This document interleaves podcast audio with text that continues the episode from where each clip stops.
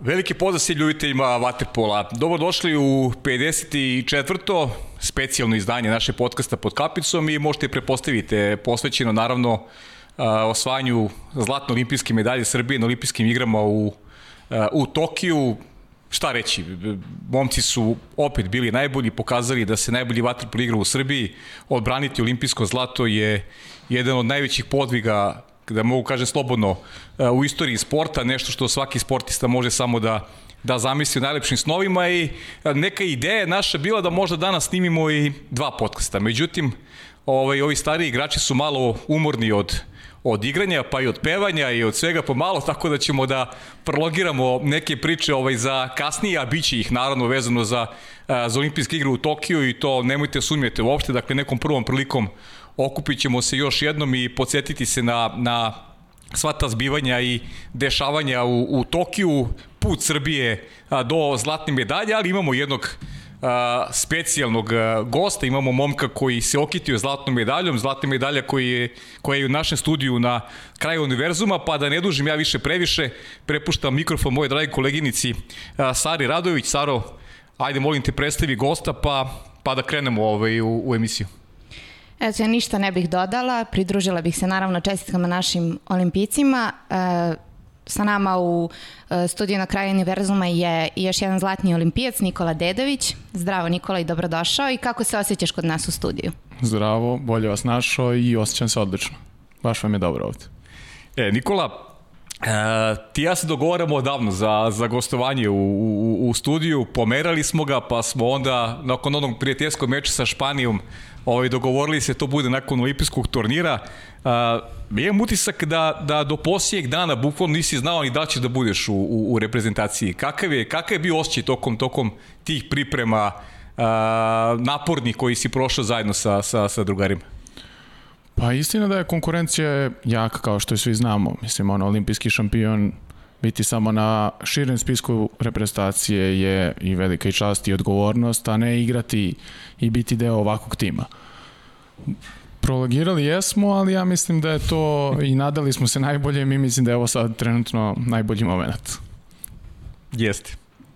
Kako te je motivisala ta jaka konkurencija i kako si reagovao kada si saznao da ćeš biti deo te ekipe? Pa mislim motivacija samim dolaskom na pripreme da tu motivacija je već neka, neka reč koja, koja postoji i koja mora da bude prisutna, mora da bude prisutna na svakom treningu, pripremi u svakom momentu vezano za reprezentaciju Srbije u Waterpolu. A kako sam reagovao, pa bio sam srećan naravno. E, negde nas je ove generacije i navikla na taj neki sporiji ritam u samom početku. Tu je utakmica sa Španijom, 13-12, prilika i za izjednačenje, pa sad evo iz tvog ugla, sad kad gledaš na sve to, neki tvoji utisci. Pa još uvek iskreno utisci se polako sležu, ali što se tiče te prve utakmice sa Španijom, pa mislim u suštini znali smo da ta utakmica nije krajnja odluka i definitivno da, definitivno da će nam doneti plasman u, u dalju fazu takmičenja i znali smo idemo u svaku utakmicu motivisano, naravno idemo u svaku utakmicu da pobedimo, ali eto, iskoristili smo, ja mislim, na dobar način tu utakmicu iz grupne faze da napravimo dobar rezultat u polufinalu. E, Nikola, kakva je atmosfera bila posle tog meča, to me zanima. E, taj neki, napravila se ta neka fama vezano za, za te duele sa Španijom, kako Srbija ne može da igra proti Španije već duže vreme, ali pričat ćemo o tome nešto i pred taj analizu pred uh, to polufinale. Uh, da li bilo neke napetosti? Kako ste se vi osjećali? Da li ste analizirali tu utakmicu ili niste posvetili neku, neku preveliku pažnju? Uh, pred utakmicu polufinala? E, ne, ne, ne, ne. Pa, posle ove utakmice izgubljene u grupi. Aha, aha. Pa pripremali smo se kao i pred svaku utakmicu. -huh. za, za njih same. Igrali smo desetak dana pre toga, 20 smo igrali u, u Beogradu sa njima.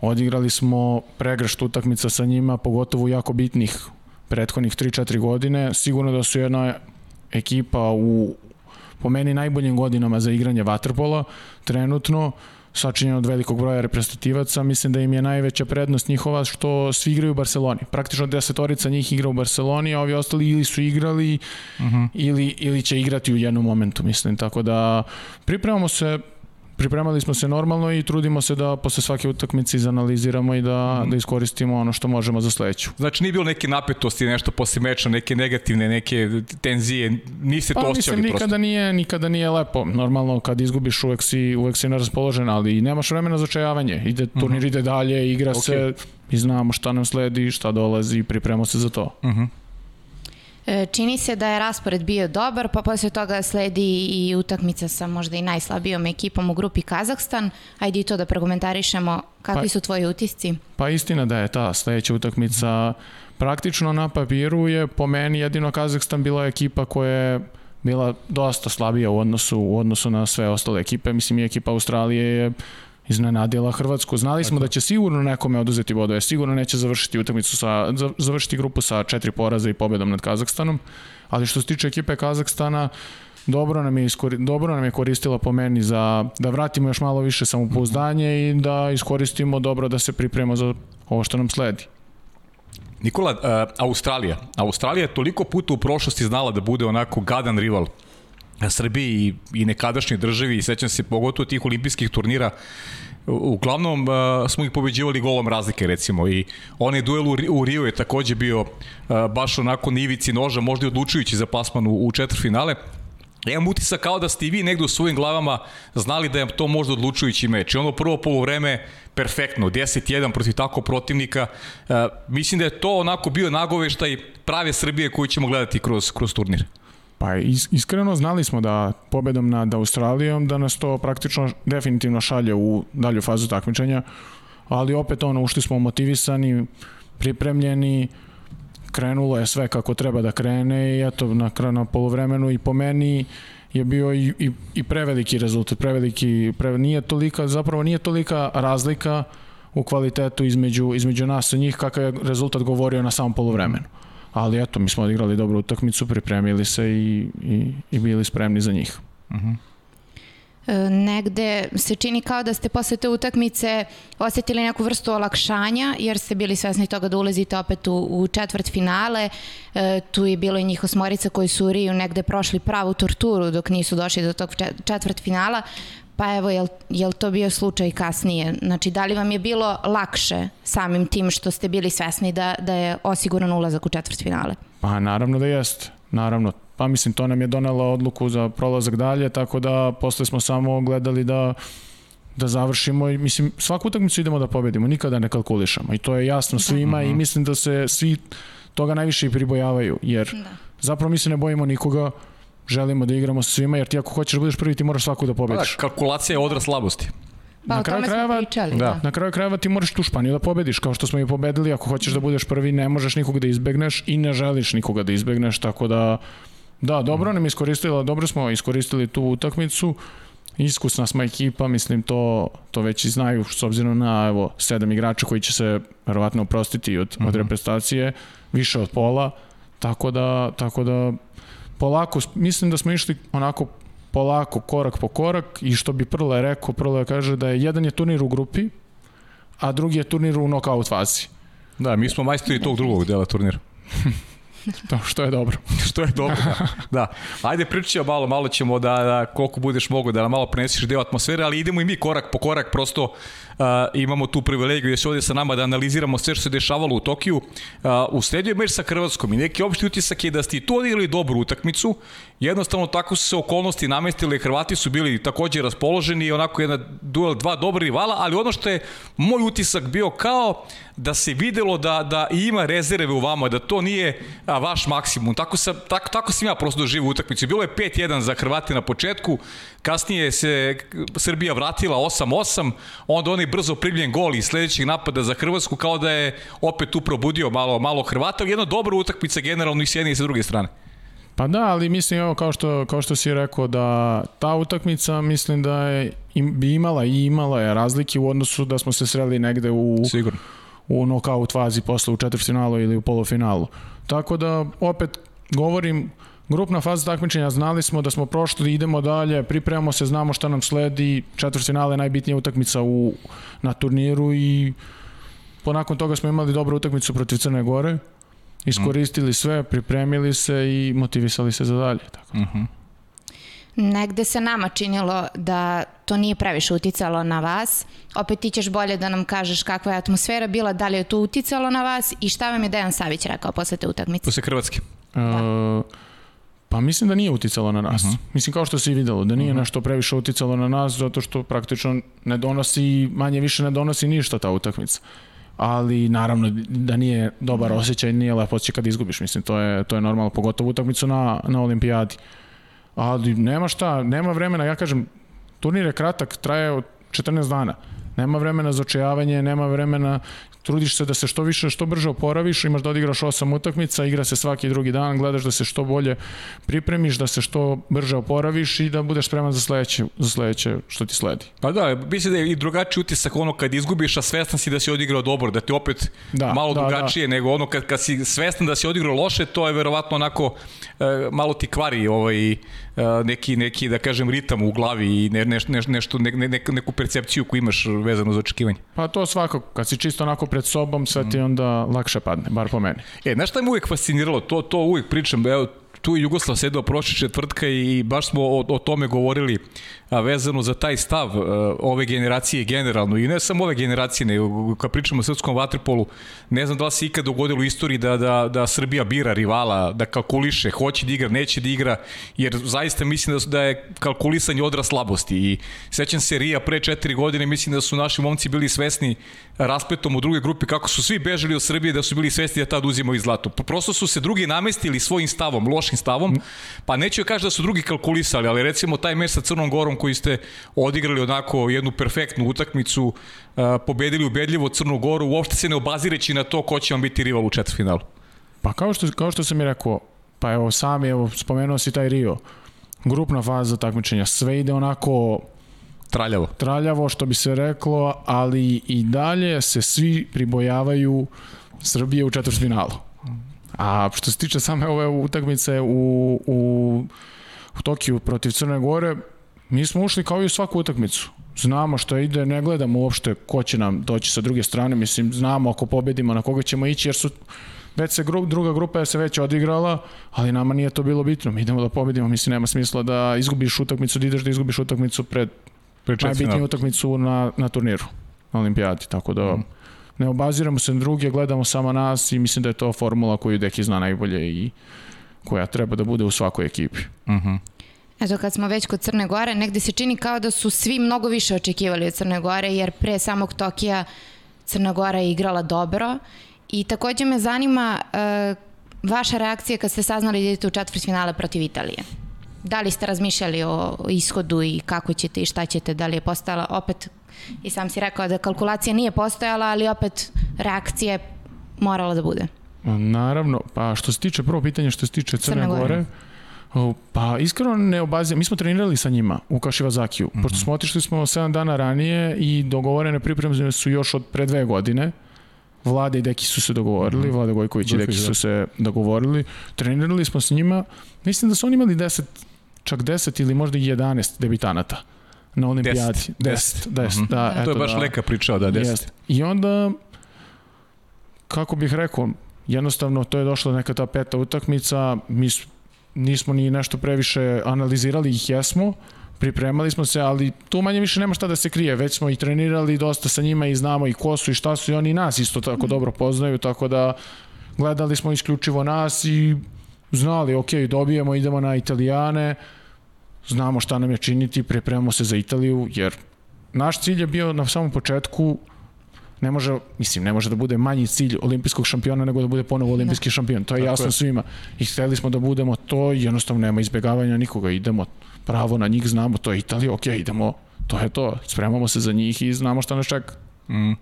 E, protiv Italije je Nikol uvek teško iz, iz onako dobro poznatih razloga, ali ono što ste odigrali, ono prvo polovreme protiv njih je zaista bila prava vaterpolo klinika, ono je neverovatno Bane fantastično na golu, odbrana, kompletna napad koji funkcioniše, čak smo onako, ako gledaš sa strane, mi koji nikad nismo ovaj, skočili u bazen, nismo se bavili sportom, ali gledaš onako sa strane kao da ste se čuvali priličnu energiju u drugom polovremenu, ajde da tako kaže malo pasivnije možda igram u, u, u napadu, kao da ste onako lagano privodili posao kraju, eto, makar je, makar je meni tako to izgledalo.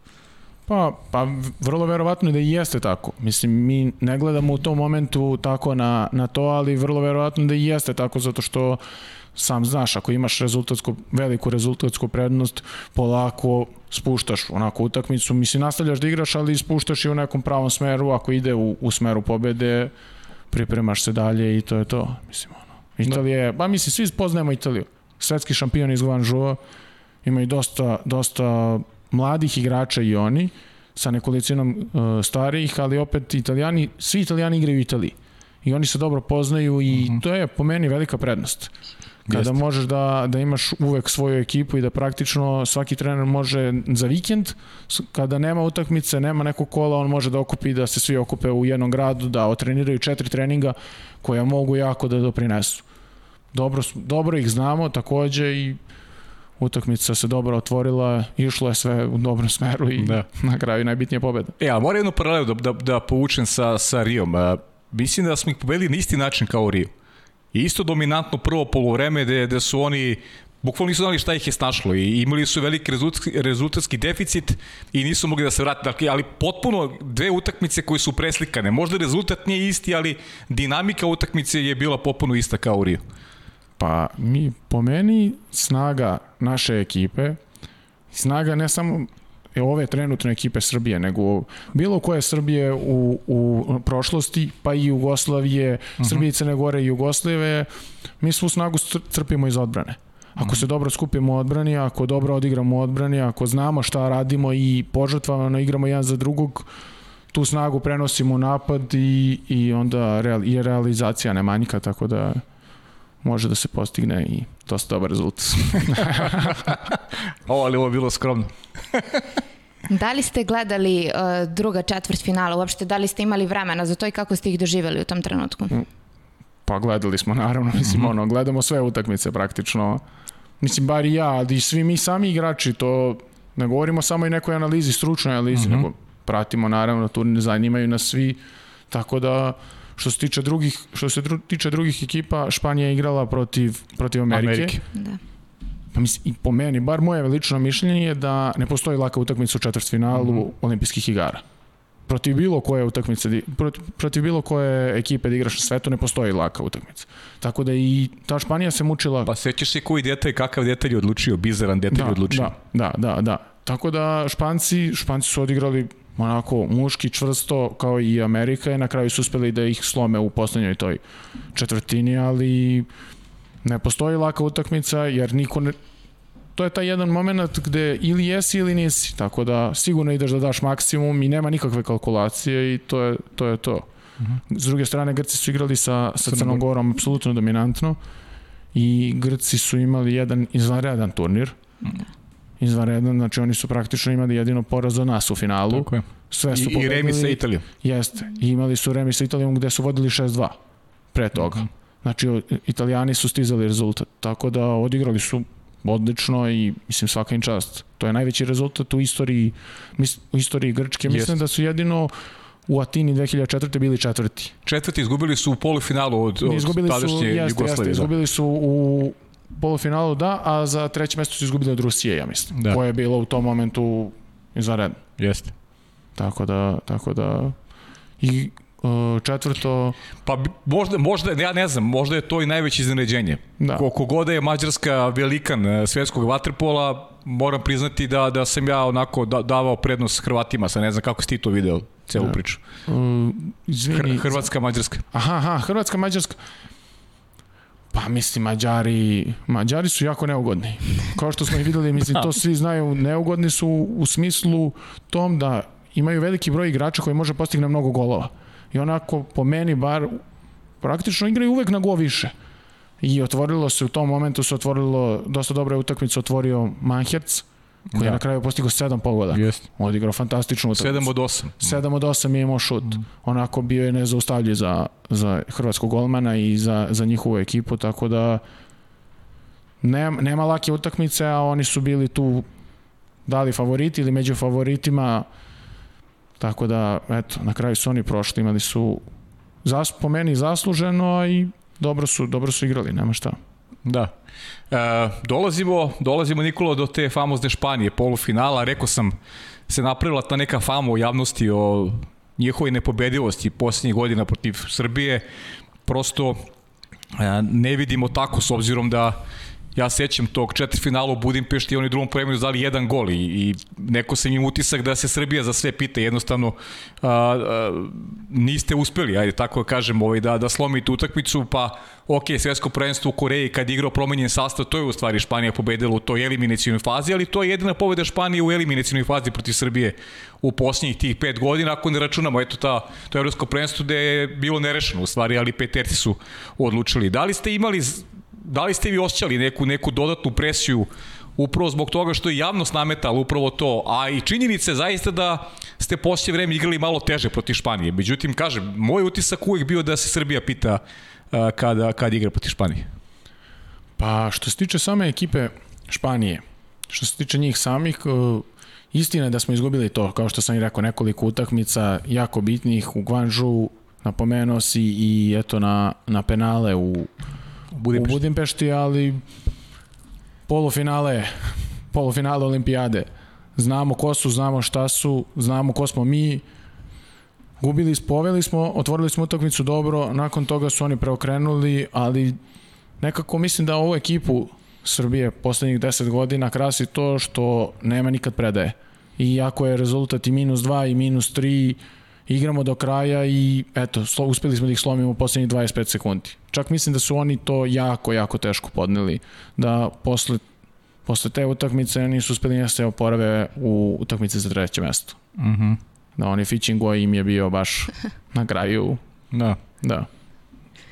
Nešto što je definitivno obeležilo tu utakmicu jeste, pa reći ću slobodno nepravda, ta uh, mi pored TV ekrana koji smo gledali, Pavle i ja smo se u tom trenutku i kuckali i čuli smo se i ja sam u tom trenutku rekla, ajde ja sebe malo da pohvalim, da sam i ja neki ishod pogodila. Rekla sam, to je to, sad ide srpski inat i mi pobeđujemo ovu utakmicu sigurno. Ajde da pričamo o tome kako se vi borite sa tim situacijama, kako ostanete tako staloženi i, i šta se to desi. Pa evo, baš sam slušao Mandu juče ili preključe na, u jutarnjem programu, uh -huh. i mi smo pričali između nas. Uh -huh. Mislim, kao što i vi vidite, i mi smo videli na onom velikom ekranu, onako ide var, zaustavlja se utakmica, ide var i mi gledamo na onom ekranu i po meni isto nije gol. Videli smo da nije gol.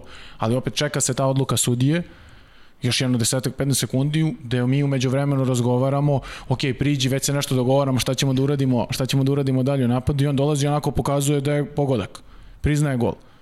I u tom momentu kad se ta neka energija i čuo se i glas i energija, ja mislim da mislim da je njima bilo bolje da, da se ne prizna taj go. Mislim da je, da je da. to bio onako srpski inat koji je počeo da, da ključa i da je to dosta i donelo nama neku energiju još, još više da, da odigramo još čvršće tu utakmicu. Da, ima neki detalje koje sam ovaj, E, to čuvam za, za gostovanje nekog sudije koji će doći u podcast baš za te utakmice sa Španijom. Nije to samo taj pogodak, to su bila neka isključenja, recimo ono jakšno isključenje u finišu i tako neki detalji koji gde, gde, gde, gde se vidi onako uh, jasna želja ovaj, da, da sudije imaju dominantnu ulogu, ali uh, u odnosu prema srpskoj reprezentaciji. A zaista je bilo ono par odluka, kad pogledaš snimak, ono je brutalno, stvarno brutalno, da, da, da čovjek ne poveruje da, da, da, da tako može da se, da se sudi u polufinalu uh, olimpijskih igara i mislim da je zbog toga uh, čak i, i nama koji nikad nismo igrali vaterpol, a možeš neke stvari da vidiš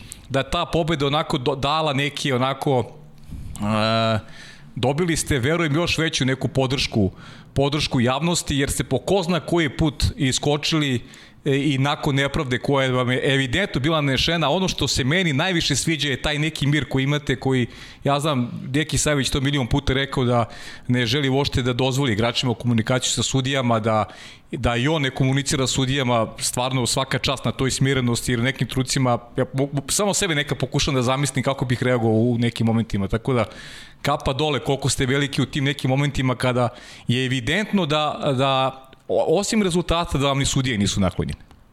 Pa iskreno ja ja se nikada niti raspitujem niti, niti gledam ko će nam biti sudija. Onako i po meni lično moje mišljenje je da je najbolji sudija onaj sudija o kome se ne priča posle utakmice. Kada onako neprimetan on odradi svoj posao kako treba i, i to je to. Tako da što se tiče tih nekih stvari ne trudim se da se izolujem i Deki trudi se da, da izoluje i nas i, i mi svi sami između sebe onako gledamo šta pokaže, bukvalno šta svira, odma, jer ti nemaš vremena da nemaš vremena da se raspravljaš, nemaš nemaš vremena uopšte da razmišljaš o toj situaciji, nego ide dalje, utakmica ide dalje, koncentrišeš se dalje i to je to. Kao i posle tog gol, nije gol, nema šta, mislim, jedan više za njih i to je to. Tako se računa, tako da, tako da što se tiče svih tih sudija, mene to generalno najmanje interesuje. Da li je, uvek umem da kažem, naravno, da li je nešto nepravedno ili nije, ali na kraju je utakmica se završila onako kako smo mi želeli. Da, meni je, meni je Nikola delovalo ovaj, da su Španci onako poprilično bili uplašeni u toj posljednjoj četvrtini. Oni su dobili taj poklon gol i onaj jedan gol kada je Bane uh, pokušao da zaustavi onaj, ono dodavanje centru pa je imao malo i sreće španski centar i to su bila dva gola, ali generalno zaista je neko delo, meni je posjetilo na, na finišu Budimpešti, zaista je posjetilo finišu Budimpešti da oni prosto su ostali bez rešenja. A kažem li si ti tad bio, zaborio sam, ti imao tad tri lične ili si bio u bazenu u finišu utakmice? U, u finišu utakmice sam bio u bazenu. Bio si u, ti si bio sad, u bazenu. Sad sam bio baš u bazenu i oni su ubacili interesantna situacija, ubacili aha. su traže taj out posle Fićenog gola, oni traže golman, da, da, oni traže i nisu bacili golmana, nego su bacili igrača. I, aha. Oni su samo zamenili kapicu po novom pravilima, vi možete da ubacite još jednog igrača da igra. Ali aha. taj igrač mora da nosi crvenu kapicu. I onako kako ulazi, Manda viče, evo ga golman, evo ga golman, i onda mi, i ono, nije golman Sanahuja, čoveče, ono. A Sanahuja je, znači, da uzu golman Sanahuja je došao na, na zgodno krilo. Aha. Ali on gleda kako isto i on u tom momentu, ali najbitnije je da smo odigrali dobro, smireno, staloženo, skupili smo se, ok, 7 na 6 nije jednostavno realizovati, to definitivno. Jeste. Tako da odigrali dobro, svirao je 2 metra. Svirao je 2 metra, tako je, to je, ne, svirao je 2 metra. Jeste, svirao je 2 metra, Larumbe je bio u 2 metra, uh mhm. -huh. evidentno je da je bio u 2 metra i jednostavno kad je to, nakon, nakon tog zvižduka sudije, onako osetila se jedna prava energija i emocija, ono kod nas koja je bila ono, definitivno je kraj, pobedili smo, to je to, izdržali smo svaki nalet njihov i na kraju ono idemo u finale gotovo više sa ovim špancima. dosta, do, dosta ih je bilo. Da, da, da, da. da. Pre toga polufinale Mađarska-Grčka. Šta je možda, šta ste možda vi priželjkivali? Da li je fokus bio na Grcima? Da li ste se plašili Mađara? Ajde da pričamo o tom drugom polufinalu. Pa, što se tiče naš samih, prvo da kažem da jednostavno gledali smo utakmicu kao i svaku drugu. Vide, gledali smo, Grci su pobedili, ako idemo ako po, pobedimo idemo na njih, pripremit ćemo se za njih, ako ne idemo na mislim na Mađarsku, ali Vi ste imali neke potene želje neke? Ne, ne. ja iskreno, moje mm -hmm. iskreno mišljenje, ja nisam imao nikakve potene mm -hmm. želje. Jer jednostavno, kao što ti kažem, ako hoćeš da budeš prvak, ako osvojiš olimpijske igre, svakog. moraš bukvalno svakog da pobediš. A Grci su jednostavno, to moram da napomenem, kao što sam i rekao, da su Grci odigrali izvanredan turnir i ne može da bude slučajno da jedna ekipa pobedi drugu ekipu dva puta u 10 dana. To ne može da bude slučajno. Tako da, jednostavno, sigurno da su zaslužili da. to finale i zaslužili su medalju koju su osvojili. Da, naravno. E, cijelo, lepo si rekao, cijelo turnir su igrali sjajno, već si analizirao i dva puta pobediti Mađare, više struke olimpijske pobednike, nije mala stvar. E, jednom nerešeno sa, sa Italijom, pobedili su Crnu Goru u četvrfinalu, ali A realno je zaista bilo da se Srbija proglasi favoritom u, u finalu i zbog tradicije prosto koja, koja je, postoji između Srbije i Crne Gore. Ja se nećem da je, da je, da je Srbija i Crne Gore, Srbija i Grčka, ja se nećem da je Grčka pobedila neku, neku važnu utakmicu, eliminacijonu utakmicu Srbiju u posljednjih, ne znam, 30 godina. Pa i istina da je istina da je tako, ali isto tako ja mislim da nismo mi jedini bili favoriti protiv Grka u finalu. A i to je tačno. Nego su i Mađari bili favoriti u polufinalu i Crnogorci bili favoriti u četvrtfinalu i dosta ekipa u grupnoj fazi su takođe bili favoriti, ali jednostavno ljudi igraju isto vaterpolo, svi igraju i oni se dobro poznaju. Pa to je neka priča Barceloneta. Slična, slična. Trener Vlahos, trener u Olimpijakosu koji poslednjih godina pravi isto izvanredne rezultate, tako da jednostavno i oni dobro, odigrali su izvanredan turnir, mislim svaka im čast, stvarno.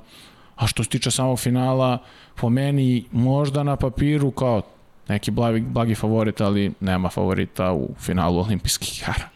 Nema. Doćemo no. i do toga. To definitivno. Da. da. Pričajmo o tom famoznom sastanku pred finale sa Dejanom Savićem, kao i o snimcima koje ste dobijali od vaše porodice.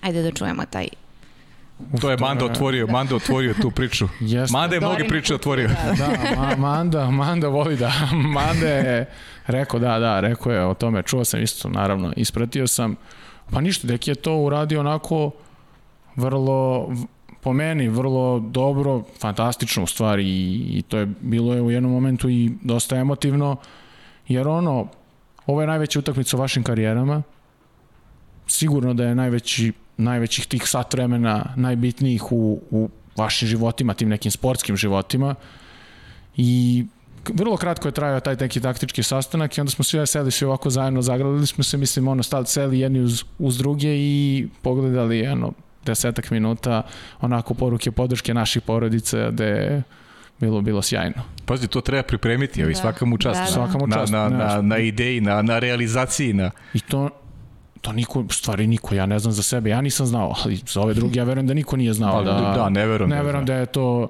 i onako sedamo za TV i kreću, ne znam, Mitru, ja mislim da je Mitrova Ilinka žena, Aha. Mitrova sa dvoje dece onako kreće da priča o njemu i onako kreće to svi porodično i onda je to bilo, Prelepo stvarno. da, da, sjajno, sjajno. Pričat ćemo se Dekijem o tome ovaj, kako je došao na tu ideju i kako je realizovao.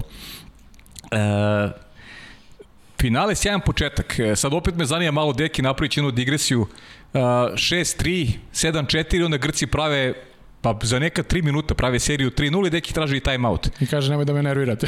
I to rekao, je, e, ni- nisam mogao da čujem baš lepo šta je, šta je pričao. Svi, to su svi preneli, jeste, da, preneli su sve novine i onda Deki govori nemoj da me nervirate. Tako rekao. Ne, jeste, jeste, jeste, mislim, ono, samo idemo dalje, fokus, ono, skoncentrišite se, najbitnije je da se skoncentrišemo da odigramo čvrsto u odbrani, to je najbitnije i on je svestan toga i ako se dobro odbranimo, pronaćemo mi rešenje u napadu. Da. Tako da je to momentu bilo, ali eto, igraju dobro, jednostavno i oni se ne predaju, otvorili smo dobru utakmicu, vraćali su se, da, po meni su, mislim da ih je vratilo nekoliko lakih tih golova. Pa to sa desne strane, oni Jeste. nemaju levorukog igrača, malo možda su onako... I mislim da ih zbog toga dosta ekipa kao pocenjuje, što nemaju le, levorukog igrača, ali ti desnoruki igrači su možda igrači koji najviše golova postižu za, za Grčku, tako Da, da, strane, da. da, da, da, tako da, tako da ništa im ne manjka. To što taj nedostatak levorukog igrača i na nama je bilo okej.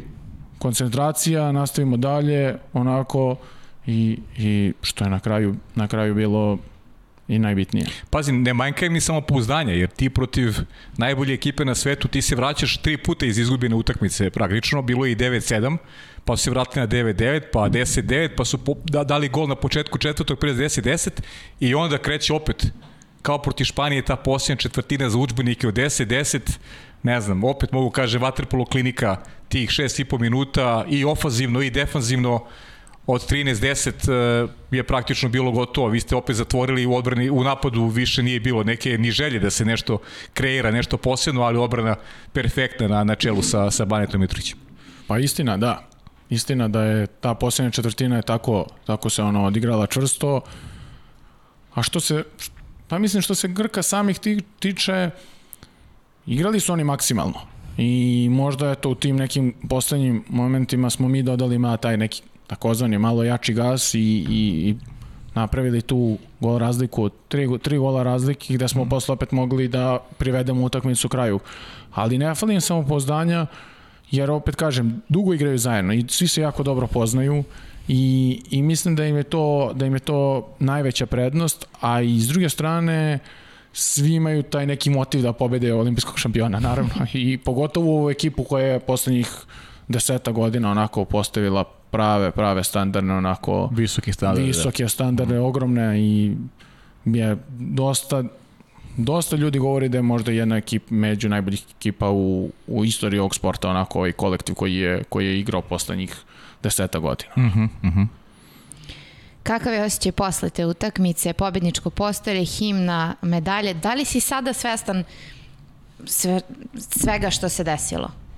Ili se još uvek sležu utici? Pa još uvek se sležu utis- utisci i mislim da će se još neko vreme sigurno sigurno biti tako, ali da onako za nek mislim jednostavno svi mi koji smo ono u waterpolu i koji treniramo i ja sam počeo 2000. godine da, da treniram waterpolo. Uh -huh. Onako svi mi sanjamo da budemo tu, na tom postolju, u tom momentu na osvajač osvajač olimpijada, osvajač olimpijski grad, zlata na, na olimpijski. Mislim, to je naj, kruna svakog igrača, sigurno. Mm. Mislim, ovi momci imaju dve krune, stvarno svaka im čast. Mislim, da, ono, vezane, to je, to ono, vezane. vezane, ne, neverovatno. Tako da, da, mislim, posle toga onda sad kreće ovaj lep deo i ovo uživanje, ono, pravo da dodela i, Jel telefon, i balkon. Telefon ovaj zvonio non stop, jeste? Da, Od koga je stigla telefon. prva čestitka, moram to da pitam? Pa zapravo prve čestitke stižu od porodice, devojke moje, to jest žene. Uh Mhm. -huh. Nas, mi smo dugo, dugo zajedno, tako da od najbližih ljudi. Od najbližih ljudi, ali stiglo je pregršt, baš pregršt. Mislim, što je i normalno, posle svakog yes. tako neko takmičenja stigne pregršt poruka, ali najbitnije je onako prvo sa, sa najbližima, brat, majka, otac, Anđela i onda su i ostali polako. E, pre nego što te pitan za Slaviju Tokio, ajde da pogledamo prvo ovaj video pitanje.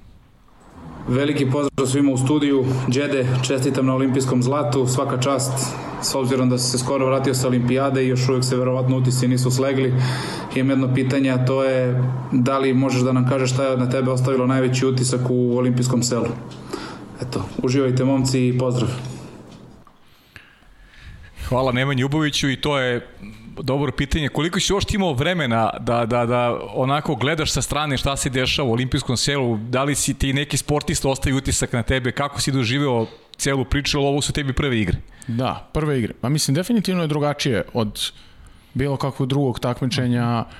Govorimo o ovom evropskom i svetskom prvenstvu, jer se ti tu na jednom mestu gde je 10.000 najboljih sportista na svetu, svi su ono fokusirani i gledaju onako svoja posla da da, da se bave samo sobom, a opet svi su to normalni ljudi onako koji ono porazgovaraju i, i, i druže se i druže se sobom.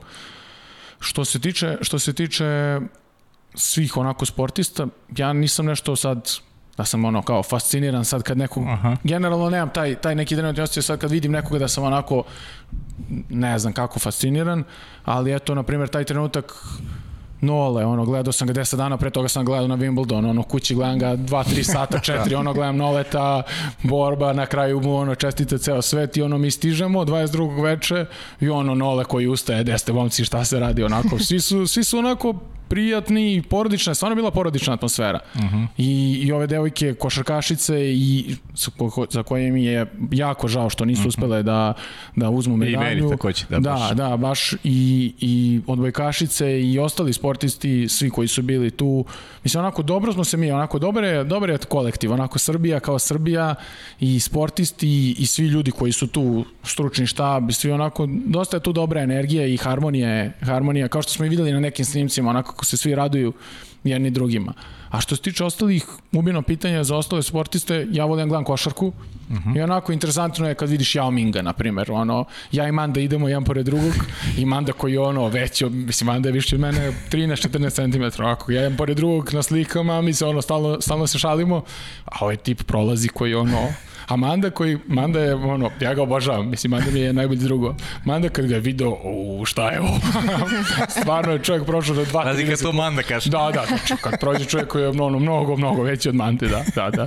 Tako da, eto, njega kad sam video i ono, ostale neke sportiste, te NBA igrače, manje više, onako. Da, on je vajda bio sa ženskom ovoj kineskom reprezentacijom Yao Ming ili nešto u delegaciji. Pa viđali smo ga tu, ono, viđali smo mm -hmm. ga po selu, ali baš taj dan, ono, prvi dan, možda kad smo išli, onako, baš prošao pored mene, ja ne znam, sam vidio sam ono Bobija i video sam i Vraneša, ali ovog tipa stvarno je on čovjek, čovječ, ovo nisam vidio nigde. Nisi je pali neku fotku, nisi? Pa nisam, iskreno nisam, išli smo i na trening i nisam, ali, ali posle, mislim da su čak posle neko je video da ga je neko, neko ga je pitao za, za fotku, ali ovaj nije hteo.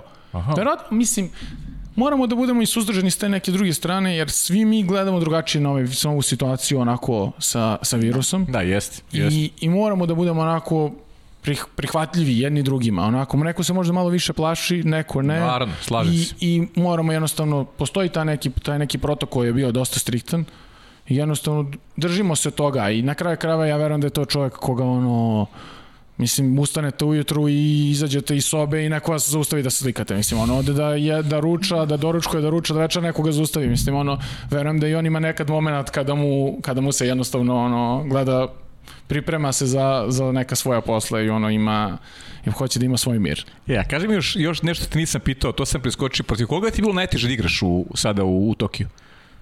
Najteže? Pa mislim uh -huh. da je ova, da dobro, definitivno najteža utakmica za nas je bila ova utakmica protiv Španije. Protiv Španije, a Jasne. ne, pojedinačno ovako? Pa ne znam. Ne, nemaš neku? Ne, ne, ne. Ono, pripremamo se za svakoga. Da. Ono. A kaži mi sad za kraj, ovaj, kako je bilo to slavlje u Tokiju? Ili ima neka pikanterija koju bi podelio s nama? Pa mislim, slavlje ko slavlje, ono, veselje je krenulo, ali opet je i to bilo nekako onako, nismo, nismo smeli, ne, ne smeš da izađeš i dalje, i dalje si zatvoren, uh -huh. i dalje su svi ti protokoli onako autobus, iz autobusa sa maskama, provera svih, ali onako skupili smo se, umemo mi da proslavimo, proslavimo to na naš način, onako skupili smo se svi u jednoj sobi i onako, to je, to je tu stanovi, tako da bilo je, bilo je fino. Dobar Umovi. Dovoljni smo mi s nama sami da, da napravimo dobro. Znam da u Riju bila neka soba, specijalna soba, znači uvek, bilo uvek, i, i sad je bila jedna da, da, specijalna uvek je, soba. Uvek je tako da mi volimo da se skupljamo, volimo da pijemo kafu, volimo gledamo ono, sport, bukvalno volimo da se družimo. I svi su pozvani, i svi su dobro došli mm -hmm. u tu sobu, tako da, eto, to je, to je, tu smo proveli. Dobro. Ide povratak u Beograd, veliki broj aktivnosti. Ja lično moram da te pitam za taj osjećaj, taj doček ispred Skupštine. Meni je jako žao što nisam mogla da dođem ispred, bila sam sprečena. Ali ajde da pričamo o tom dočeku i o tim aktivnostima. Sigurno sam da ste jako svi umorni, ali opet to je neka draž svega toga.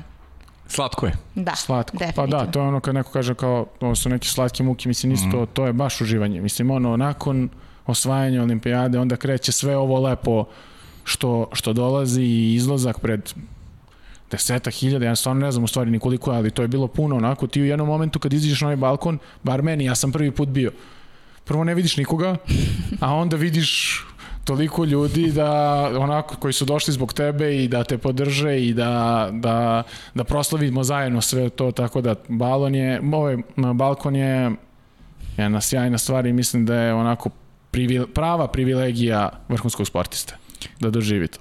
Da, jeste. Ja ću dodam samo da, da zaključim eto ovu priču sa još dva, dva detalja da stvarno jesmo mi Vatepolo podcast i posebno su onako emotivni kada su vaši rezultati u pitanju i smatra vas najboljim prezenterima srpskog sporta, ne samo posljednjih 10 godina, nego od Vajkada.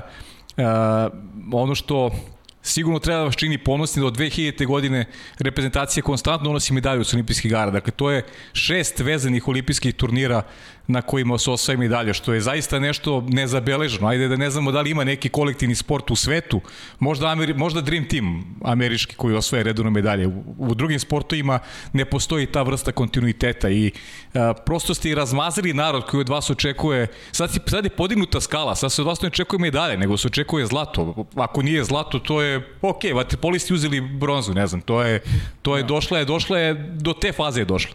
E, a šta će biti posle Tokija? Ti si jedan od onih koji ostaje u reprezentaciji. Kako vidiš budućnost? Sedmorica mladih odlaze. Da. Šta, da. Se, šta se dešava? Pa, budućnost, mislim, odlaze momci koji su ostavili ne, neizbrisiv trag. I definitivno da, da su obeležili istoriju srpskog i, i jugoslovenskog i srpskog sporta, tako da, tako da po meni moje mišljenje da momci koji će, koji će se priključiti i koji će zameniti njih, da ne trebaju da se trude da menjaju, da budu da bude neko fića, da bude neko prle, dule ili neko, jednostavno da budeš svoj i ti svim nas bude 20 i više i mnogo igrača prošlo kroz te, kroz te pripreme reprezentacije, a sigurno da niko nije slučajno tu. Tako da onako oseti se energija, oseti se atmosfera, zna se gde si došao i zna se šta trebaš da radiš. Tako da mislim da Imamo, imamo momke koji su i igrači koji su pripremljeni za da, da se priključe reprezentaciji, tako da eto, vidjet ćemo. Biće interesantno, sledeće godine imamo dva takmičenja, da. pa ćemo videti. Evropsko i svetsko. Jest, da. jest, tako je. Mislim, ni, ni ovi momci koji su, koji sad ovi deseta godina igrali, ni oni nisu, ja govorim, on, niko od njih se ne trudi, mislim, ne trudi, ne treba da se trudi da bude ni Deki, ni Vujas, ni Dača, Dača ni Šapić, ni Pera Trbujović, ni bilo ko da ne, ne čira, da ne nabrajam sad nekoga da ne zaboravim.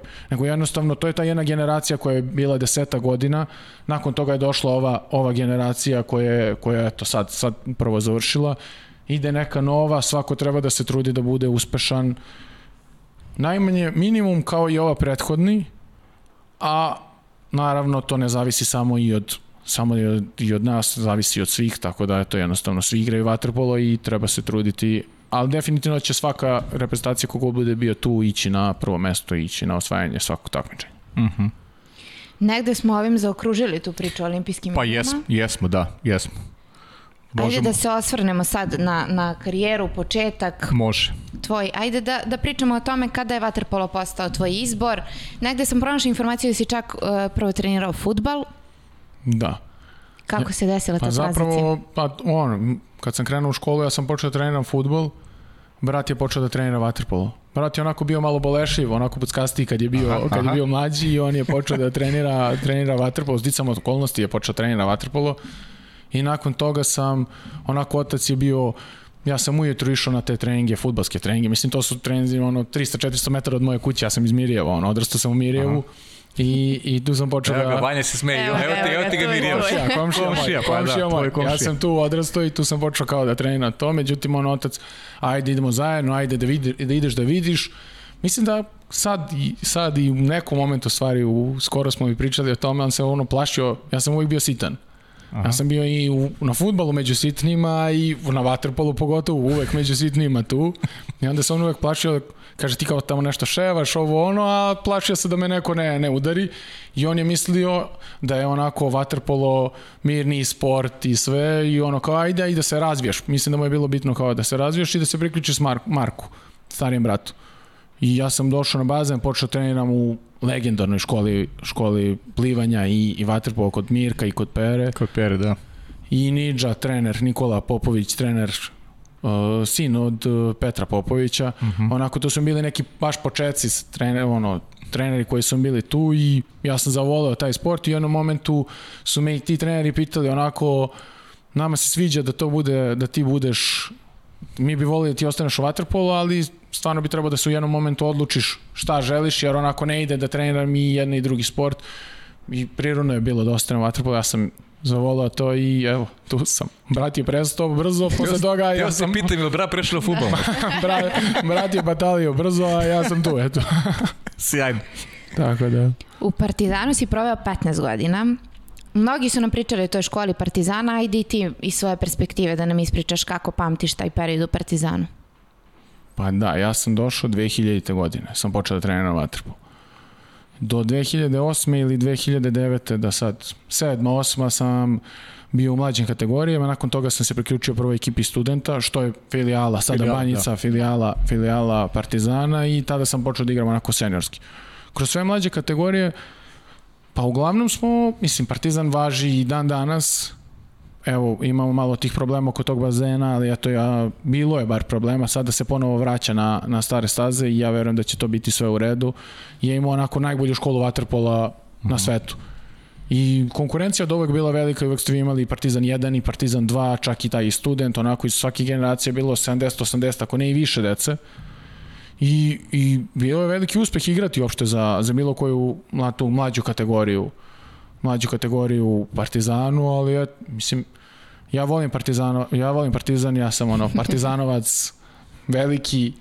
Danas, evo baš smo malo prepričali, ono bio sam kod uh, Niđa Rađana, sam bio kod Nikole, da kod Johnny sam bio dole da mu pomognem što se tiče same, samo da podržim eto tu neku akademiju, va, akademiju Waterpolo u stvari Vodena akademija, ne znam, akademija Waterpolo i plivačkih sportova. Jeste.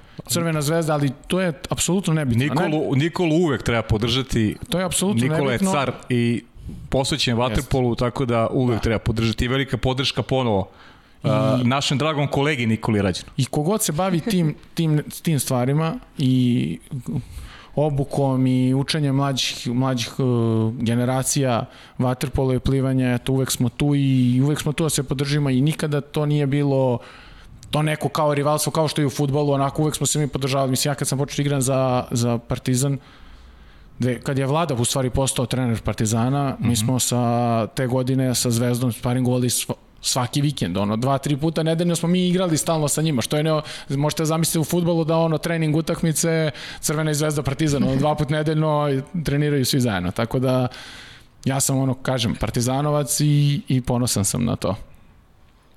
To je u redu skroz. Posle Partizana dolazi radnički iz Kragujevca. E, ali ne, nismo završili samo jednu stvar za Partizan, moramo da, da kažemo, ovaj, uh, ti si sa Partizanom ostvario i najveći uspeh u klubskoj karijeri, tako, ti si bio deo ekipe koja je, koja je bila prvak Evrope, ne samo prvak Evrope, nego imate i onaj Final, Final Four takođe, e, proraz onaj od prvo reka, dakle Final, da, da, da. Final ili Final, Final Six, šta je bio? Final Six u Barceloni je bio. Pa proveo sam ja četiri godine igrajući ti za si- Partizan da. ili pet. Ti si proveo baš onako intenzivne, dobre godine za Partizan. I to odlične godine. Mi smo u tih četiri, četiri godine koliko sam ja igrao tri puta bili na finalnom turniru. Tako je. I jednom u Beogradu, Jednom u, da, jednom u Beogradu, Beogradu, kada je Zvezda, kada je Zvezda bila prvak.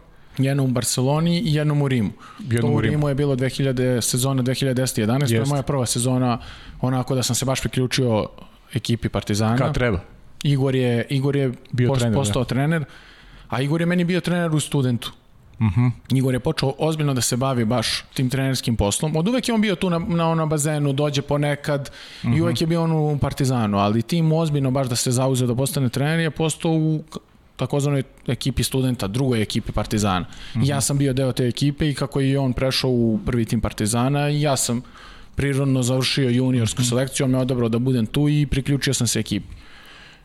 U tom momentu ono ulazak u prvu ekipu Partizana, da je ono Vlada Vujas, Prle, mislim cela ova ekipa što, što je i, i dan, neki dan danas su tu, neki su ono završili je bilo izvanredno i, i te sezone smo imali i bila je prva utakmica je bila u Zagrebu, sećam se. Uh -huh. Ja sam odigrao te sezone, ja mislim 3 4, a ne kažem, do oko pet utakmica sam odigrao te sezone.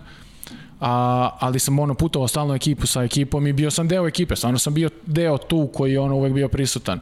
I prvu utakmicu smo izgubili u Zagrebu, sećam se onako, i, i nakon toga je ono krenuo potpuna koncentracija i potpuna disciplina što je na kraju donelo rezultat kako smo želeli. Znači imaš, kakva su ti iskustva sa, sa Igorom? Igor ti je, znači, eto i u studentu i posao u Partizanu. Pa ja imam, od, mislim, odlično. Mislim uh -huh. da je Igor ono, vrhunski trener sa onako pun je energije. On je onako ono stalno pun energije koji dođe na bazen i onako zna, š, zna šta želi i zna šta hoće i, i on je rođeni pobednik. Uh -huh. Ono, on je čovjek jednostavno rođeni pobednik, zna, zna kako da se ponaša, voli da ima apsolutnu kontrolu nad ekipom, što je i svaki trener voli da, voli da ima i mislim da je on to uspeo da iskontroliše jako dobro i na kraju je napravio rezultat i sa nama i potvrdio da nije slučajno kada je uradio isto to i sa prorekom. Sa rekom, tako da, je, da. Tako da, sigurno da je po meni odličan trener. Šta najviše pamtiš iz tog perioda Partizana? Ajde zaokružimo Partizan da te ne davim previše sada sa... Pa mislim, Partizan imam u toj, u toj sferi, nakon toga postoje trener Vlada Vujas. Uh -huh. Onako dve godine dve godine sam igrao sa njim, pošto on je odigrao i sezonu 2011-12 nakon toga i uh -huh. posle toga je Igor otišao, a on je postao, on je postao prvi trener. Ali bez obzira na to i te dve godine dok je on igrao mnogo je tu postojalo poštovanja i razlika je bila, mislim, saigrači kao saigrači, ali uvek se znalo da je vlada ono, Vujas i Igor ga je cenio isto tako i ono, na svakom sastanku, na kraju sastanka uvek on kaže Vlado, ili imaš ti nešto da dodaš i onako, prirodno je bilo da on postane, da, da on postane trener. Uh -huh. I nakon toga kreću onako udarnički treninzi, Vlada koji je inače lik sam po sebi ogroman radnik, onda nakon toga počinju ti treninzi onako baš, baš se treniralo i po meni mislim da je to i moralo da bude tako, zašto je napravljena ta neka smena generacije i kada imaš mlađu ekipu, kada imaš dosta, dosta mlađu ekipu u odnosu uh -huh. na ovo prethodno, mora da se onako trenira i malo više, što i sad evo trenutno vidimo kod Uroša Stevanovića, kod Kembeta u, uh -huh. u, u Kragovicu, oni isto sam čuo da treniraju onako baš dosta, ali donosi jednostavno rezultat i nama je donosilo, donosilo rezultate, ono, i bili smo četvrti te godine na, na Final Fouru u Beogradu, Nakon toga smo opet pobedili Pro Reko bili ponovo četvrti u sledeće godine na Final Sixu u Barceloni. U Barceloni. Da, u Barceloni onako ekipa nekih klinaca koji imaju, mislim da je te godine Ćule, Manda, Gajo, ja ne znam ko je još bio, mislim Čučko, bilo je onako veliki broj mladih, mladih igrača mm -hmm. i on je onako umeo to da iskontroliše, umeo da, da pripremi da da budemo jako dobri, jako neugodan, na, jako neugodan rival za svakog. jako niko neugodan. ne poželi, niko ne poželi, mislimo ono dva 12-13 mladih igrača onako baš motivisanih za plivanje, za igru, da onako pravi tempo. Tako To u da, Barceloni da si igralo možda na tri dana, ko zna šta bi bilo. da se, pa jeste, pa mislim, da, ali eto, i ta utakmica protiv Proreka, onako, famozni Proreko, mislim, uvek je Proreko, ali igra protiv nekih momaka koji su onako, tek treba da postanu ono, da, da postanu ono što, što žele da budu, I, a igra se utakmica egal. I Soro je, moram da kažem, Soro, Soro je je bio branio, tu, jeste. jeste, Boba je bio tu, on je stvarno to isto umeo da drži kako, kako treba. Bio je odličan i onako pravi primer je bio tu i ponašanju i, i zalaganju na trenicima, tako da eto, bila je onako, dobra ekipa. Ja imam sjajne iskustva i rekao sam, uvijek bi ja volao da se vratim u Partizan, da, da budem ponovo deo toga. Pa dobro, nikad nije kasno. pa. Da, da, naravno, kažem, ja kažem, uvek bi volao da u jednom momentu ponovo igram u Partizanu. Imaš neke pitanje, to ćemo na kraju, ajde. Važ? Posle Partizana dolazi Radnički, ako se ne varam, godinu dana si bio Da, tamo. Ajde da pričamo o tome kako, Nakon kako pamtiš taj period. Nakon toga dolazimo u ekipu, u ekipu Radničkog iz Kragujevca. Mhm. U tom momentu su isto bili Uroš i Uroš Tevanović i, Da, Kembe, i, da. i Kembe i Juga su bili isto u, ekip, u klubu, Mhm. ali nisu, nisu u tom momentu imali ulogu kako trenutno imaju. Sada su oni apsolutno u tom klubu, a u Jeste. tom momentu su oni onako radili neki deo svog posla. Tako da onako, bilo je Po meni je, žao mi je, žao mi je što ta, ta sezona nije završila onako kako je, kako je po meni trebala da se završi, jer mislim da smo bili kvalitetni i osvojili smo, osvojili smo kup u januaru. Onako dobra je bila atmosfera među igračima, ali jednostavno najveći problem koji je i usledio nakon te godine, onda usledio ovaj 4-5 godina onako gde je bilo, ne znam, 40-50 igrača koji su igrali inostranstvo, jer jednostavno nema smisla ako ne, po meni nema smisla ako jednostavno baš onako ništa ništa ne ide sa od strane od strane te neke sa te neke finansijske strane onako ako si ti tu a apsolutno je jedna nula onda jednostavno nema nema smisla. Mm. Nije ni samo govor o tom mi smo ono mladi uglavnom je bilo dosta je bilo i mladih igrača, ali jednostavno kada kada s te strane nema nikakve podrške i nikakve potpore nije to moglo da se završi onako kako, kako je po meni trebalo da se završi, ali po meni je dobro iskustvo. I mislim, ja sam s Urošem sarađivo i u mlađim kategorijama Partizana i on je bio pomoćnik Iguru i Kembeta poznajem odlično, mislim, ono, on je to Uf, to je bio njegov, ja mislim, baš, baš težak posao da, da, i, da iskontroliše celu tu ekipu. Imao je nekoliko čak igrača, Ćira je bio tu, ono, pet godina stariji od njega Ćira i, i Zdravko Radić i onako bila je ekipa i onako šarenolika, ali mislim da na kraju, eto, završilo se to kako se završilo i ja sam otišao dalje.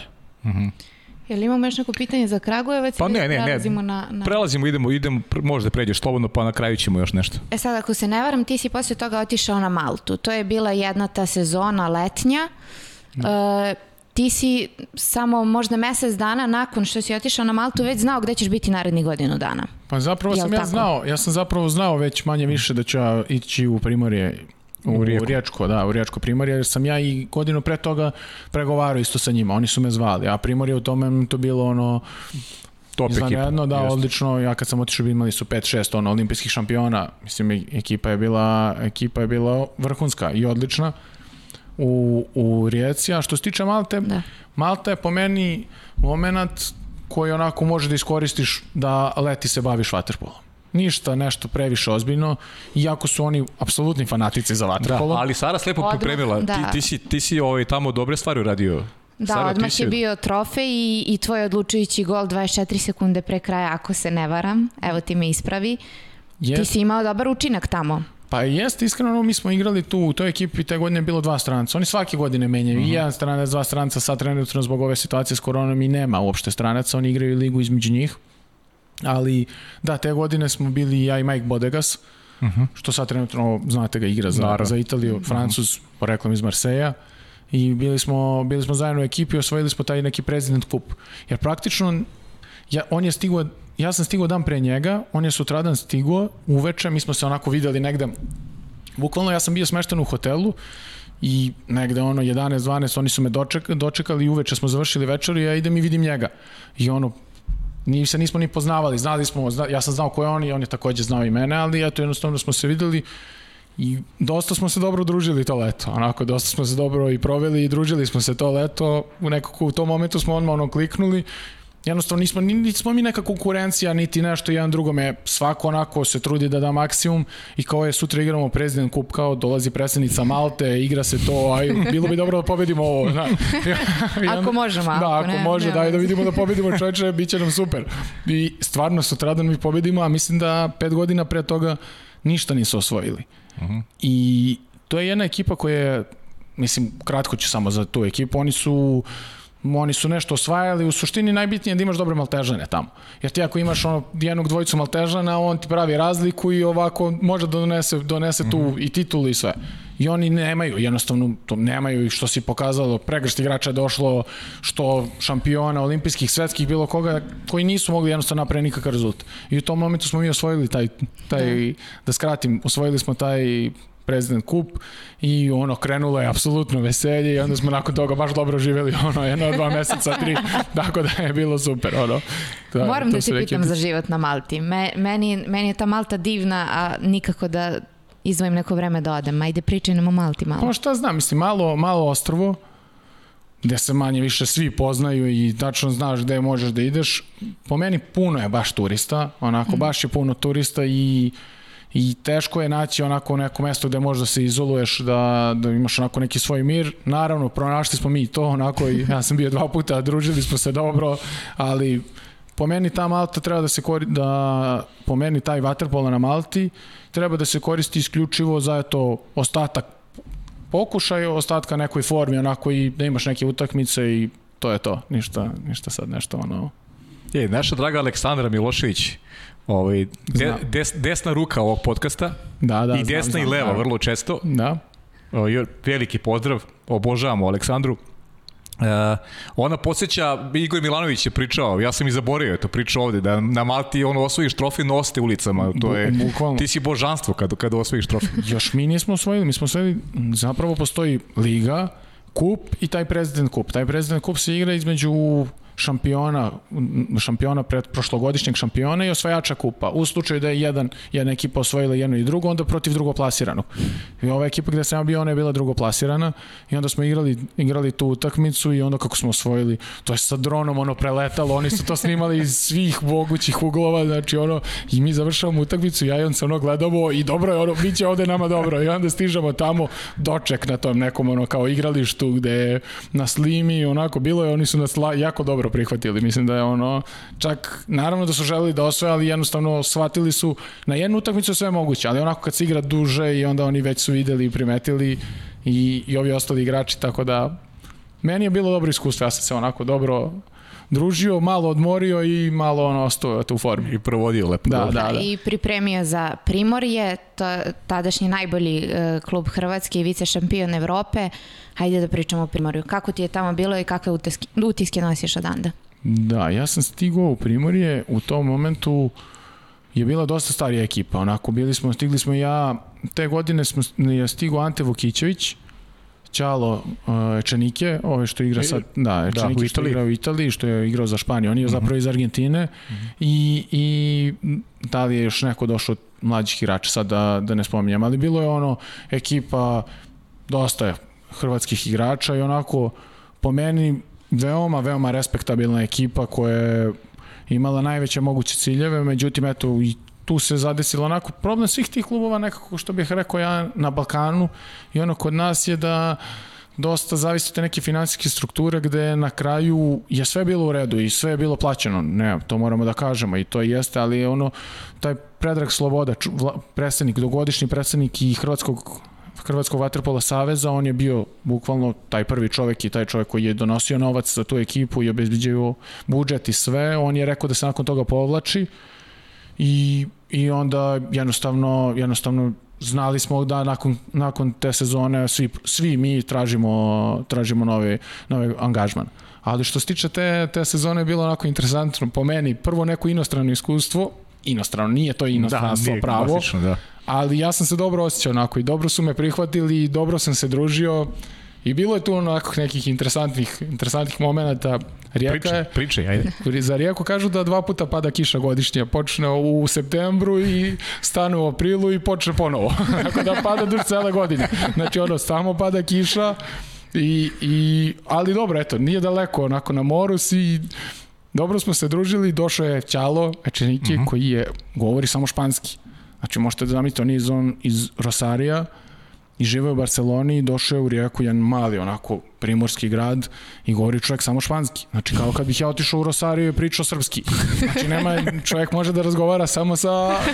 I bilo je nekako nekih interesantnih stvari gde je on kući nestalo mu je plina, za, pošto tamo onako sve na, i one šporet sve mu je na plin da li on dečko nije znao kako da pozove nikog od nas, u jednom momentu Muslim prolazi, da li Muslim prolazi kolima i vidi Čala, Čalo nosi plinsku bocu na ramenu.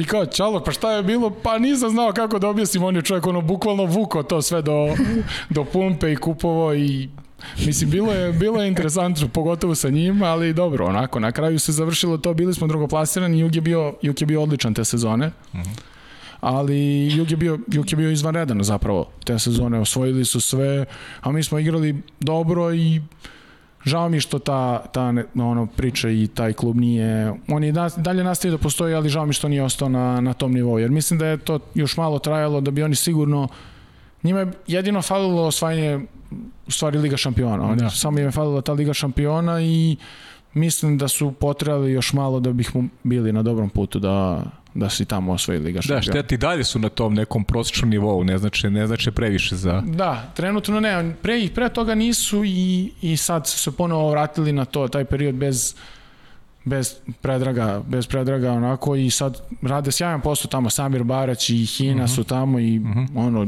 ja sam se lično osjećao dobro i nekako, mislim, i za Rijeku kažu da je srpski grad. Znači, svi, da. pri, svi pričaju i onako, ja nikad nisam imao, stvarno nisam imao nijedan neki negativan, incident, da. niti mhm. incident, niti bilo kakav problem, onako, živo sam najnormalnije kao da živim bilo gde i, i tako su se odnosili i ponašali prema meni, tako da imam dobre iskustva odatle i kažem, jedino mi je žao što nije potrebalo malo duše, ali pa, dobro. I tu je vaterpolo specifičan po tim vašim odnosima koji imate generalno sa, sa igračima iz regiona, to je zaista neverovatno kako vi dobru energiju šaljete u stvari ljudima sa tim pa, vašim druženjima i sa poštovanjem koji ukazujete jedni prema drugima, što je zaista prelepo. Pa mislim, to je, to je istina i mi govorimo o nekoj zvezdi Partizanu, mi imamo sjajne odnose sa svima u regionu i sa svima na svetu, ono, i bukvalno uh, i ti u bilo kom klubu, mislim da ne samo i vaterpolisti, nego i ostali sportisti. Ti sad, na primjer, u Nemačkoj, ja sam sad trenutno u Nemačkoj, iako imam i prijatelja svih, ono, sa, sa svih strana, bukvalno, ali realno ako si ti u nekoj ekipi sa i Hrvatom ili Crnogorcem, to su ono naši ljudi, onako s njim se odmah počeš da se družiš i mi imamo svi dobre odnose između yes. nas, tako da ni u vaterpolu i ni u Rijeci samo i nisam imao apsolutno nikakvih problema, onako bilo mm. mi je super i jedino, eto, kažem, da je trajalo još malo duže, ali Bože moj. Nije ni ovde loše, sad sam trenutno u Berlinu, tako da... Ne bi se to dogodilo. Da. Idemo na Berlin, ne? Idemo na Berlin, na Nemačku. Ajde ovaj, taj špandov, odakle u Nemačku, kako se to dogodilo sve, po ta epizoda poslije rijeke, ko te kontaktirao? Pa zapravo, zapravo je to, onako nisam, da mi je neko nekad rekao da ću igrati u Špandu, nikad nisam planirao nešto, ono, uvek sam nešto, svi nešto smo razmišljali da idemo ili za, u tom momentu, ono, ili Italija ili Španija, ali jednostavno posle jedne utakmice, kada smo, posle jedne utakmice u Rijeci, uh -huh. uh, Španda u Primorje, završila se utakmica, ja naletao sam na Marina Arestovića, onako porazgovarali uh -huh. smo mhm. kao i posle, mislim, ono, sa svim našim ljudima i on me pitao kako je, šta se dešava, čuo sam da nećeš nastaviti tamo, Ja sam mu rekao da, ne nastavljam. Ono kao bi si odlučio gde ćeš, ja kažem pa i nisam, ono još uvek nisam, ne znam šta ću. On kao ajde, kontaktirat ću te kao hteli bi baš da te pozovem. Ja u tom momentu pa ono, ok, pozovite me, nema šta, ali ajde vidit ćemo. I tako je i bilo i onda su me nakon toga oni kontaktirali i krenuo je Waterpolo u Nemačkoj po meni poslednjih 4-5 godina Waterpolo u Nemačkoj klubski se digao na jako veći nivo u odnosu na pre toga što je bilo. Tako da, eto, tu sam i dalje sam tu, onako igramo Ligu šampiona, što je meni najbitnije. Ja sam zapravo najviše otišao u taj klub jer one igramo ligu, imaju wild card, znaju svi ko je ono Špandau, grad je odličan, uslovi su super, sve, sve onako kako treba i kontaktirali su me, stvarno su pokazali ogromnu želju da, da, da dođem i evo i dalje sam tamo, ono, tu smo i sa Hanoverom se borimo za svake godine, onako da, imamo jasno. te neke rivalstvo veliko. Inter, jeste, jeste, rivalstvo ogromno.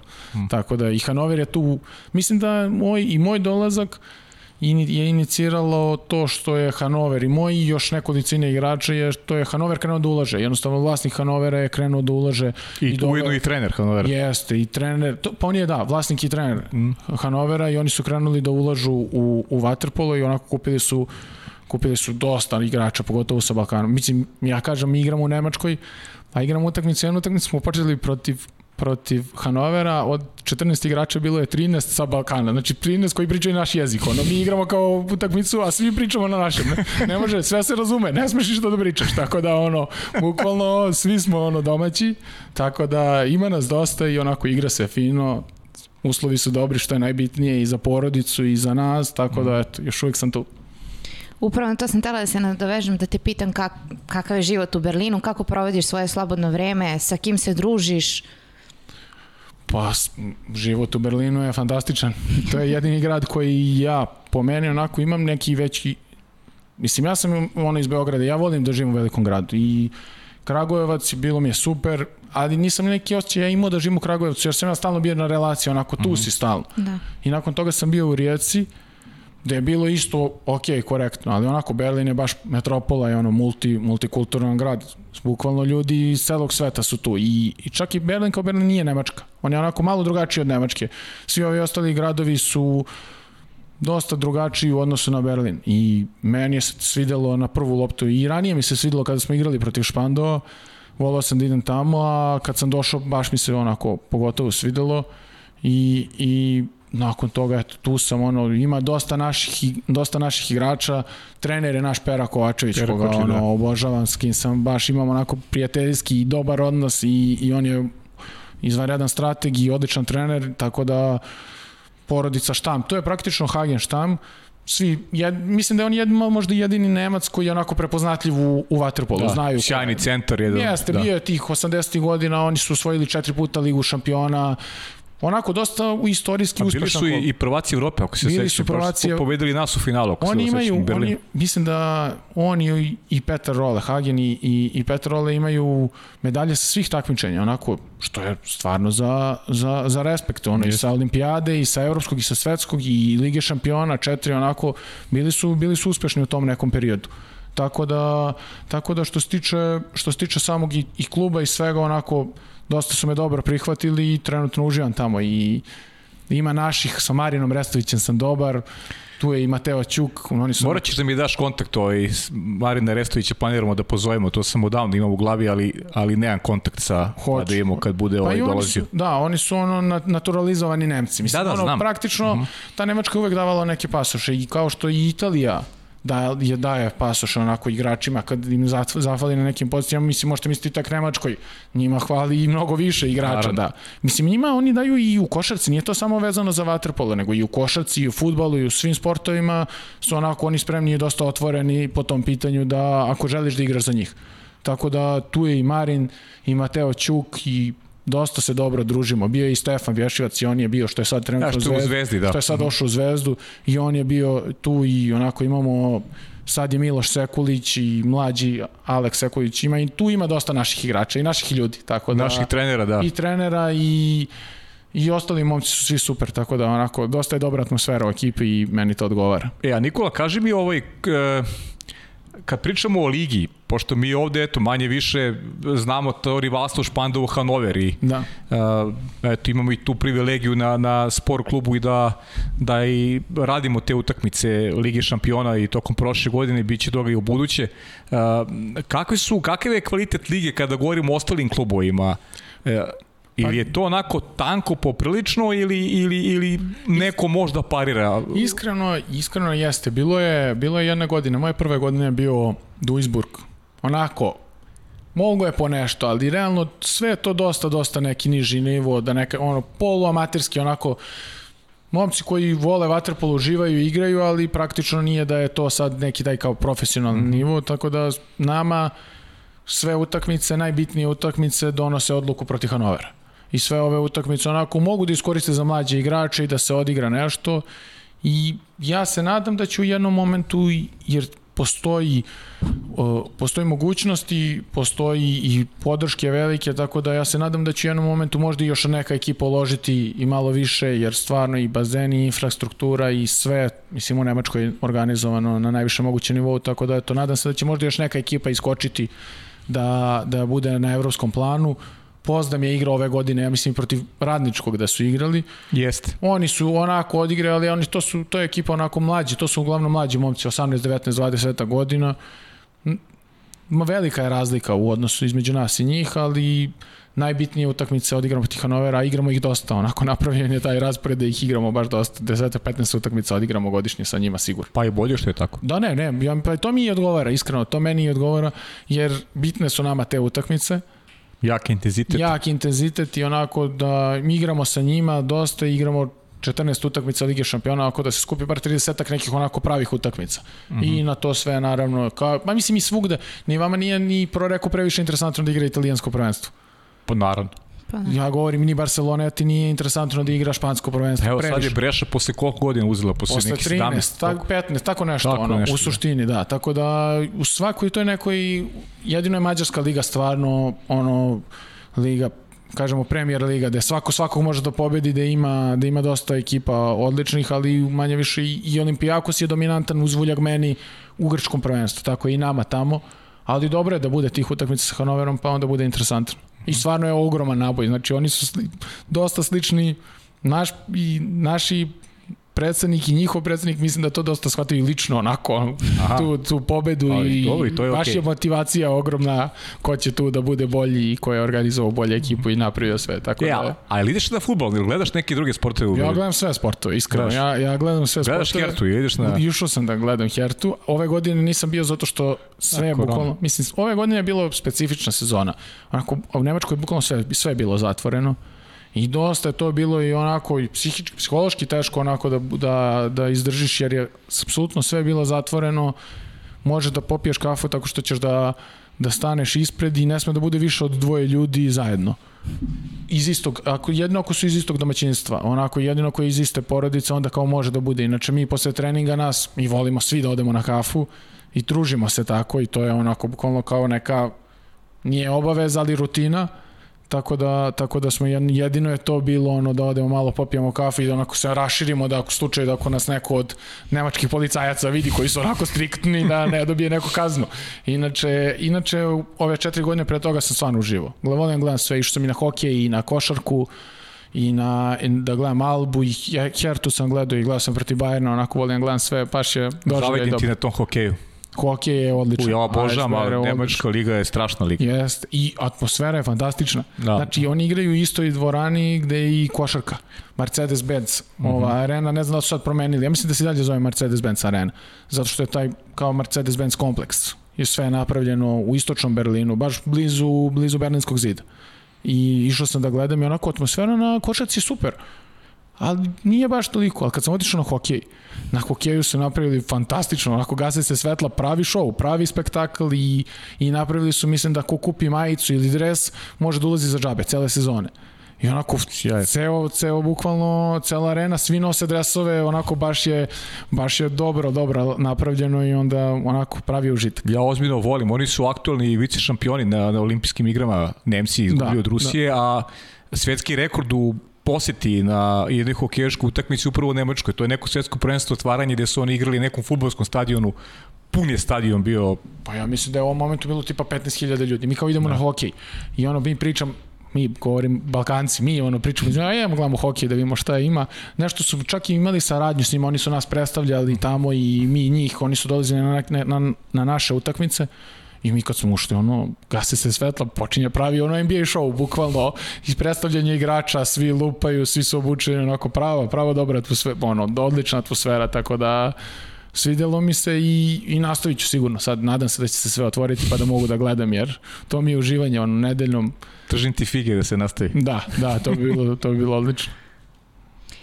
Da li si ti zadovoljan? Ajde sad kao da sam isekla sve što ste pričali o hokeju i bacila. Nema veze, ne, ne, ne, ne, pa pričamo o svemu. Vidim da ste onako se baš uživali da. lepo, ali moramo da se vratimo na tvoju karijeru. Da te pitam da li si ti lično zadovoljan e, kako si napredovao u Nemačkoj i možda bi bilo dobro kada bi mogao da nas podsjetiš e, sa trenerima sa kojima si radio sve. U Špandovu? Da. U, pa u Špandovu radim samo sam radio sa Perom Kovačić. Samo sa Perom, a? Jeste, on je došao dve godine pre mene i mislim da će on ostati tamo koliko god bude želeo da bude uh mhm. -huh. tamo. Tako da, tako da što se tiče toga sa njim sarađujem i ja uživam da radim sa uh mhm. -huh. njim i imamo i baš što sam i rekao i prijateljski odnos i, i dosta se dobro slažemo i onako po meni je jedan od vrhunskih trenera uh, I, I mislim da dosta ga i oni, mislim ove godine, mislim da sad već i Petar Porobić će postati selektor Nemačke, ali da i on imao ponude da bude, da bude tamo. Tako da što se tiče samog trenera, sarađivo sam samo sa njim u, u, u Berlinu, a što se tiče, drugo pitanje bilo što se tiče e, života ili kako? Ne, kako, kako si ti zadovoljan svojim napretkom tamo? Pa po meni je najbitnija najbitnija stvar bila ta što imamo te, igramo Ligu šampiona i što imamo te jake utakmice. I mislim da tu mogu onako da se uvek, kad igraš Ligu šampiona, uvek si tu negde na nekoj vaterpolo mapi i uvek možeš da iskažeš, da se iskažeš. Imaš prostora u stvari da se iskažeš i mislim, za sad sam zadovoljan. Iskreno zadovoljan sam, osvojili smo dva puta prvenstvo, osvojili smo i kup i super kup, praktično sve od kada sam tamo to u, u Nemačkoj, tako da nastavljamo dalje promenili smo malo ekipu za, za sledeću sezonu, ali verujem da ćemo biti dobri, da ćemo na, biti neugodni. Ili na bolje ili kako ceniš? Pa manje više, mislim da smo manje više balans onako neki. balans, mm -hmm. da, da, balans. Meni je žao što malo nam fali da izađemo jedan korak više, da kada bih uspeli da investiramo još malo više, to bi nam baš onako značilo da dovedemo dva dobra. Kad bismo dobili baš dobra, dva vrhunska igrača, mislim da bismo mogli da budemo standardni član onako Final 8 ili Final mm -hmm. Fora, šta već bude od ovih finalnih turnira. Mislim da bismo mogli da budemo u tom, kad bismo uspeli da dovedemo dva ili tri neka mm. ako pristojna dobra igrača. A ovako smo uvek tu negde u borbi, ne, jedne godine jesmo, jedne godine nismo, ali ja sam zadovoljan tamo i, i život mi je lep. Meni onako i prija taj Berlin i osjećam se onako, osjećam neku pripadnost klubu i, i dobro mi je, tako da za sad sam tamo, pa ćemo videti. E, kaži mi, rekao si malo pre Marin Restović, Mateo Ćuk, mnogo tih naturalizovanih koji igraju za reprezentaciju, ako si ja ne varam, Nemačka federacija i tebe kontaktirala sa nekom idejom da, da uzmeš državljanstvo i zaigraš za reprezentaciju Nemačke. Jo, jeste, Jeste, I, i mislim, jako su insistirali na tome. I onako, ta Nemačka kao, kao opcija po meni, onako, ko što sam i govorim za Maltu i sad govorim za Nemačku, onako, to je neka opcija ako nisi u kadru, da igraš za svoju mhm. reprezentaciju, ako nisi, ako nisi trenutno tu, onako možeš da iskoristiš da obezbediš i finansijski i finansijska struktura i sve da se obezbediš da jednostavno bude, bude nešto ono pristojno. Ne može da se poredi naravno sa, sa, ni sa Srbijom ni sa bilo kim i jednostavno mislim da su oni uradili dobru stvar. Marin i Mateo da su uradili onako super stvar i oni se odnose dobro prema njima i imaju te neke pogodnosti i uslove za život i sve im je, sve im je dobro organizovano.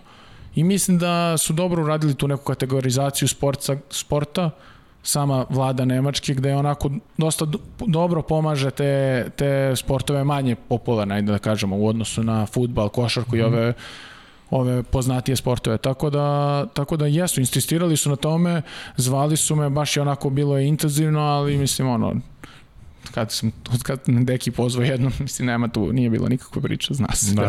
zna se gde sam. E, prošao si sve juniorske selekcije sa nacionalnim timom. Koje takmičenje ti je bilo najdraže?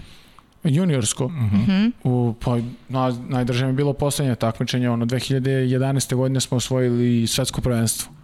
Uh -huh. I onako, to je onako izlazna već godina, već sam počeo da igram i seniorski i počeo da se igra malo i ozbiljniji vaterpol. Onako, igrao je Vamoš u, za Mađare, igrao je Janger za, za Australiju, Australiju, i Bijač je bio u Hrvatskoj. Mislim, tu su već se onako iskristalisalo, iskristalisalo ko će biti tu. Tu su bio, bio je Straja, bio je Manda u ekipi, Miloš Miličić, Uba, Srđan Vuksanović što igra sad trenutno za Kazahstan. Onako, i već, već manje više iz te ekipe 70-80% igrača nastavilo da igra, igra profesionalno dalje vaterpolo, sad kako ko, kako ko i gde, ali ta, ta, taj, to takmičenje mi je, ajde da kažem, bilo najdrže. Mislim, osvajanje svetskog juniorskog prvenstva. Uh -huh. uh, ajde pre nego što pređemo na pitanje gledalaca, još da se samo posetimo uh, nije ovo prvo veliko takmičenje koje si igrao za Srbiju. Eto, da, da eto, samo posjetiš gledalaca i gde si još igrao najsvežije, naravno, uh, ona i Koreja, ta Koreja gde je negde da, bila da. najavljena i ta neka smena generacije gde je Deki povukao jedan potez gde je hteo da ukaže malo poverenje i momcima koji će biti budućnost uh, srpske reprezentacije, pa eto, eto i samo da eto evocira su uspomene na takmičenje na koje se igrao pre ovih olimpijskih igara. Pa istina, da. Mislim, zato i govorim za tu, za tu Španiju, zato što eto, izgubio da smo i četvrtfinalne ja sam se priključio u Guangzhou 2019. godine uh mhm. -huh. sa tom kao podmlađenim, s tim podmlađenim sastavom i onako igrali smo solidno i po meni do, onako pristojno solidno u grupi, nakon grupne faze smo završili kao prvi, imali smo četiri dana slobodno i na, Španija je igrala, Španija nije prošla kao prvoplasirana, tako da je odigrala nakon te grupne faze jednu utakmicu sa Japanom, gde smo, mi smo njih išli da gledamo i bili smo motivisani, čak i mislim da smo možda jednom, moje mišljenje lično je da smo mi pregoreli u toj utakmici, onako previše smo želeli da tu, da tu utakmicu onako pobedimo, da se pokažemo što je na kraju bilo ono, oni su dosta dobro otvorili tu utakmicu i, i po meni zasluženo su i pobedili, nema, nema tu priče. Tako da, eto, to mi je bilo prvo neko takmičenje. Nakon toga sam, nakon toga sam otišao, išao sam u Budimpeštu na evropsko prvenstvo gde se ponovo vratila ovako ova ekipa koja je, koja je i sad igrala olimpijadu gde smo sticamo okolnosti ponovo naišli na njih zašto smo već pričali o tome ta famozna kao Španija naišli da. smo na njih u četvrtfinalu utakmica odlična. Drugo polovreme, Drugo polovreme. perfektno, rekao Jest, čvrsto, na kraju ti penali. I po meni, ja kažem, ja sam ono baš pričao, meni je onako na, dosta to emotivno onako svat, osjetiš taj poraz, pogotovo u četvrtfinalu, ali ja kažem i ti momci koji su i pucali penale, ja sam rekao, mene sad, mene da pita neko, ja bih rekao ponovo. Isto taj, istih tih pet igrača. Mm -hmm. Znači, stvarno, ne, da sam ja biro, ja bi isto biro. I, I nije mi, ono, žao mi je, naravno da mi je žao, onako, što nismo uspeli, što nismo uspeli, oni su pre toga četiri puta za redom osvajali. Da. Evropsko prvenstvo. I, i, da, i onda, i onda, eto, to momentu jednostavno Španija je je li imala više sreće ili imala više bila je hladnija, onako ti, ti penali jesu, kao kaže, govori se penal lutrija i u jednom momentu i nisu, onako ko je malo po meni opušteni i skoncentrisani, oni, on, on je prošao jednostavno i zasluženo dalje, oni su došli do finala i izgubili su finalu od, od Mađarske. Da, da, oni, to je generacija koja igra dobar vaterpol i ništa ništa osvojili. Istina, istina. I zato su im svi davali previše šanse na odigrali su fantastično u grupi, onako bukvalno su sve pobedili, onda došli na, te, na tu Ameriku koja je bila onako malo teža utakmica, ali su je prelomili, praktično nisu imali pored. I onda kad su prvi put, kad su prvi put ovu izgubili od nas, posle nisu ni bili u priči za, za treće da, mesto. Raspali onako, da, raspali se. Raspali se. Mm. Tako da eto, to me ovo mi je treće takmičenje, što kaže Straja, treća biće treća sreća, tako da, kaže Straja. ja se uzdam u tebe, biće treća sreća. Zna Straja šta priča. Da, da, Straja je O, hoćemo da čujemo to drugo pitanje, Vanja. Pozdrav svima u studiju, a posebno za našeg Đedovića. Ovaj, samo imam da mu poručim da sam se konačno spavao. O, jedva sam dočekao da, da dođem kući i imam jedno pitanje za njega, tačnije da nam ispriča jednu anegdotu, eto, koja, prvo, koja mu prva padne na pamet sa olimpijskih igara. E, a od mene ovaj, e, guten tag, guten naben. E, Deda, reci molim te gledalcima emisije i svima u studiju šta sam ti rekao pre odlaska na olimpijske igre, u šta se ja to uzdam. Ćao. Pozdrav Evo, znači, osetio sam. Et, Imaš e, dobru percepciju. Tiče, što se tiče Save, da, mislim, ja i Sava smo sad cimeri već mm -hmm dve, dve godine ovo kako smo bili u Budimpešti, inače on sa Viktorom Raševićem u sobi mm. uvek, ali sad evo bilo sam i u Budimpešti, smo bili ja i oni u Beogradu, sad ovo celo cele pripreme. Sava se žali kuka kako ne može da spava, a ja sam onako dosta nezgodan, ja se stalno okrećem, stalno onako, imam baš lak san. tako da Sava ima čepiće, ali slušao sam ga ovde da je i prenosio čepiće sa ubom, tako da eto, nije mu, nije mu bilo... Ovo, znači njemu su suđeni čepići. Njemu su... Ne vredi. Ja, ja, ja imam tako lak san, a i naravno i tenzija je ogromna i olimpijske su igre i onako razmišljaš o svemu kad tek pogotovo uveče pre nego što legneš da spavaš, počneš da onako mozak počne da radi 200 na sat, bar meni, i onda, i onda sam onako okrećem, dosta se okrećem i onda, a Sava voli da me pita, ja se onako umirim i pokušavam da zaspim i Savo posle 15 minuta, djede, jesi zaspao? Djede, jesi zaspao? ja rekao, pusti me Savo, molim te, da, nemoj da me pitaš ništa, ali eto, radim se da, da će da, da odmori. A anegdotu, ima jedna interesantna, opet, Manda ćemo biti 100%, a mi njega najviše, tu među najviše volim od svih. Gledamo košarku, ja mislim, pa smo gledali devojke igrale su košarku, ne znam koja je bila utakmica. I mi onako, onako full baš pratimo, a neko od igrača je poneo ovaj naš receiver da možemo gledamo na našem praktično gledamo na RTS-u smo gledali. Uh mhm. -huh. Ali kako je loš internet i kako je stalno neko ono povezuje se, nekad se izgubi zvuk, nekad se ne izgubi zvuk. A ja ovako gledam TV tačno i Manda ispred mene. Ja, a ja vidim u jednom momentu ima zvuka, nema zvuka, ponovo, ponovo ima i nestane zvuk. I međutim više sad niko ne pravi nikakvu reakciju. A Manda nije siguran da li je nestalo zvuka ili nije. ja rekao, Manda gledaš, proveravaš. proveravaš, nisi siguran. Ono, da li čuje, da li ne čuje, nije. Izgubio se skroz. ja rekao, šta kaže ovaj Manda? I onda smo počeli se sve ovako. Bilo je dobro. Interesantno. Sa Mandom nikad nije dosadno. da, da, Manda. A Manda, Manda inače ima uvek neki novi, onako, sad je nosi neki ventilator, onako uvek ima nešto. Pripremljen dođe, onako, sad neki inovativan je. Je li ima nešto sad tipa u Rio je nosio krompir što mu dao Boba, je li imao sad nešto za, za, A, za nije, taliju? Sad nije. je, sad je levicu, sad je, sad je samo levicu. Sad je levicu, da, sam koristio levicu sad samo. je samo levicu koristio, da, da, da. dobro je, Boga mi koristio. Dobro, da, da, dobro. Da prelazimo na pitanje gledalaca. Ajmo na pitanje gledalaca, ima ih mnogo, ajde, idemo. Da, e, prvo ćemo krenuti s pitanjima Sandija Mertelja. Kaže, veliče, velike čestitke svima u Srbiji za zlato, Nikola samo gazi dalje.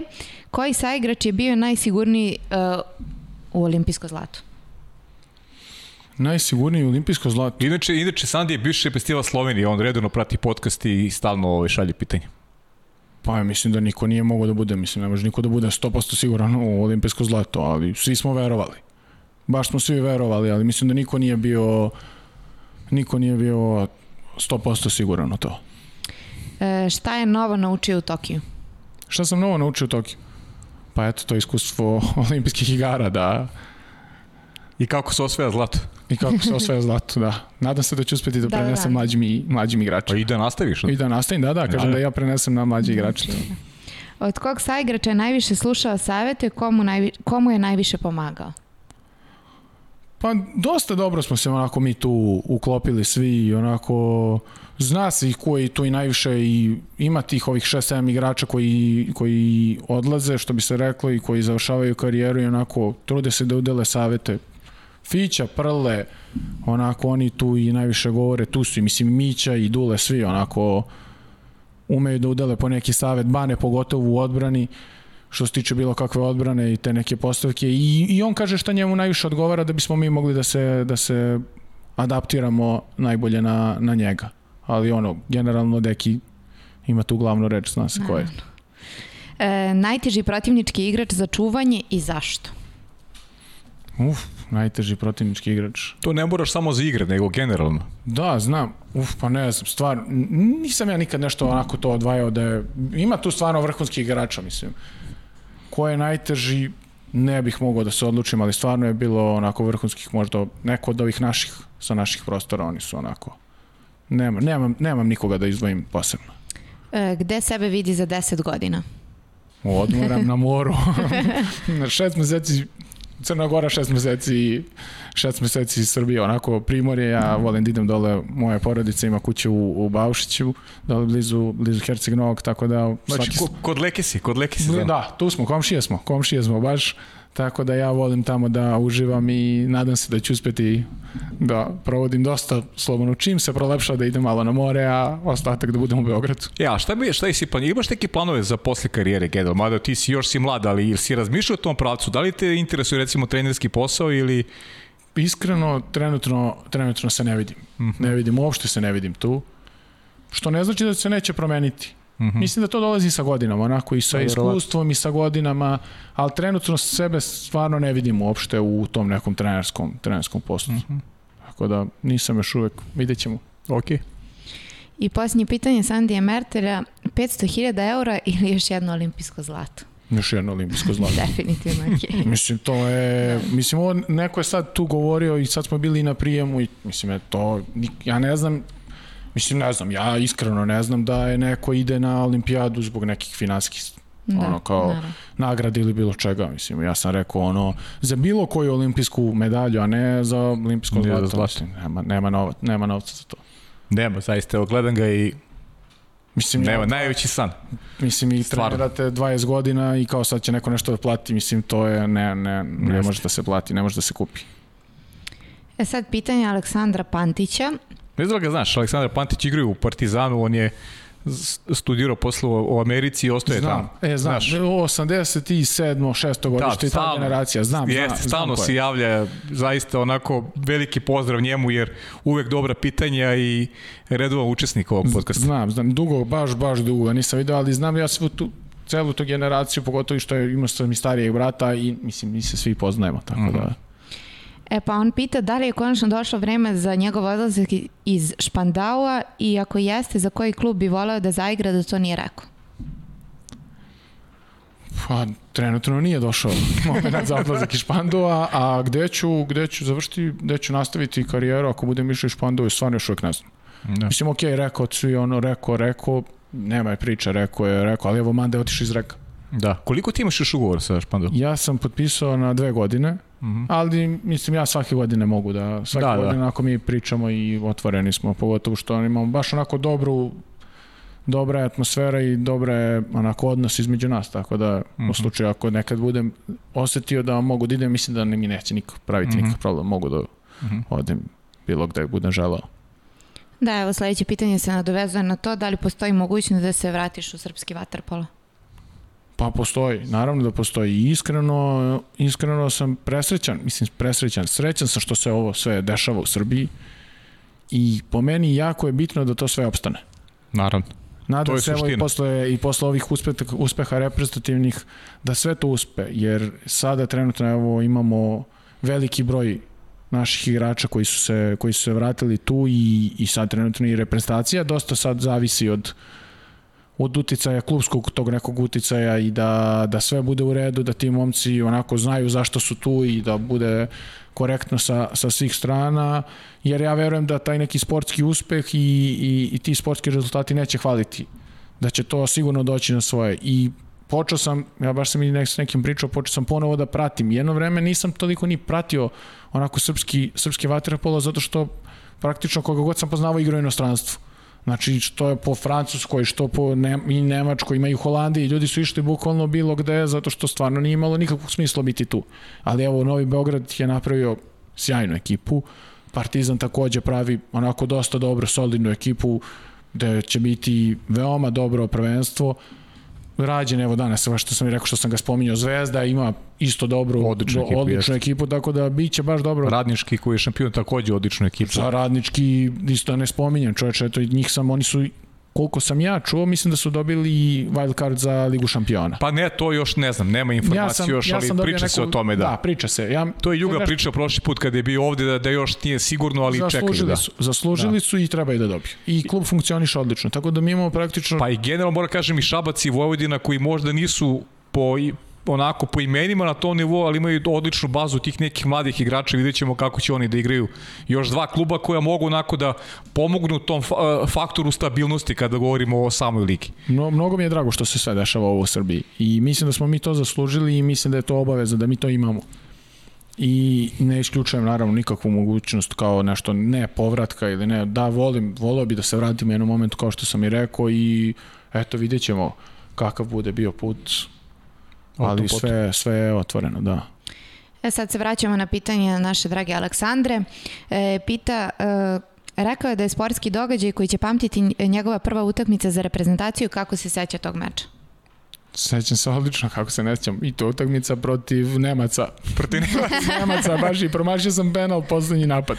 Dali su vi 2013. u januaru sam igrao prvu utakmicu bio je i Vanja, ja mislim da je igrao i bio, još je bila ta, ta ekipa, ja sam tada debitovao protiv, protiv Nemaca i onako pun baze, mislim, to je nešto ono zašto ti odrastaš i zašto radiš i zašto uživaš, onako, meni je prvi, ja kad sam, ono, počeo da treniram vaterpolo, meni je bio san da igram za Partizan, jer sam ja odrastao u Partizanu, onako i ti kad vidiš tu slačionicu, prolaziš pored slačionice Partizana i vidiš... Pa onu trofejnu salu uđeš i... I trofejnu salu i prvotince Partizana, onako, ja sam, to je ono što sam ja sanjao i, i naravno da sam sanjao da igram za reprezentaciju, onako taj prvi prva utakmica bilo sjajan osjećaj. Iako sam promašio penal, mislim da mi je taj penal najviše bio onako tenzija, pun bazen, dali su mi debitantu, ja ne znam gde se nalazim, ali dobro. U suštini bilo je bilo je jako dobro. Meni se svidelo baš, naravno.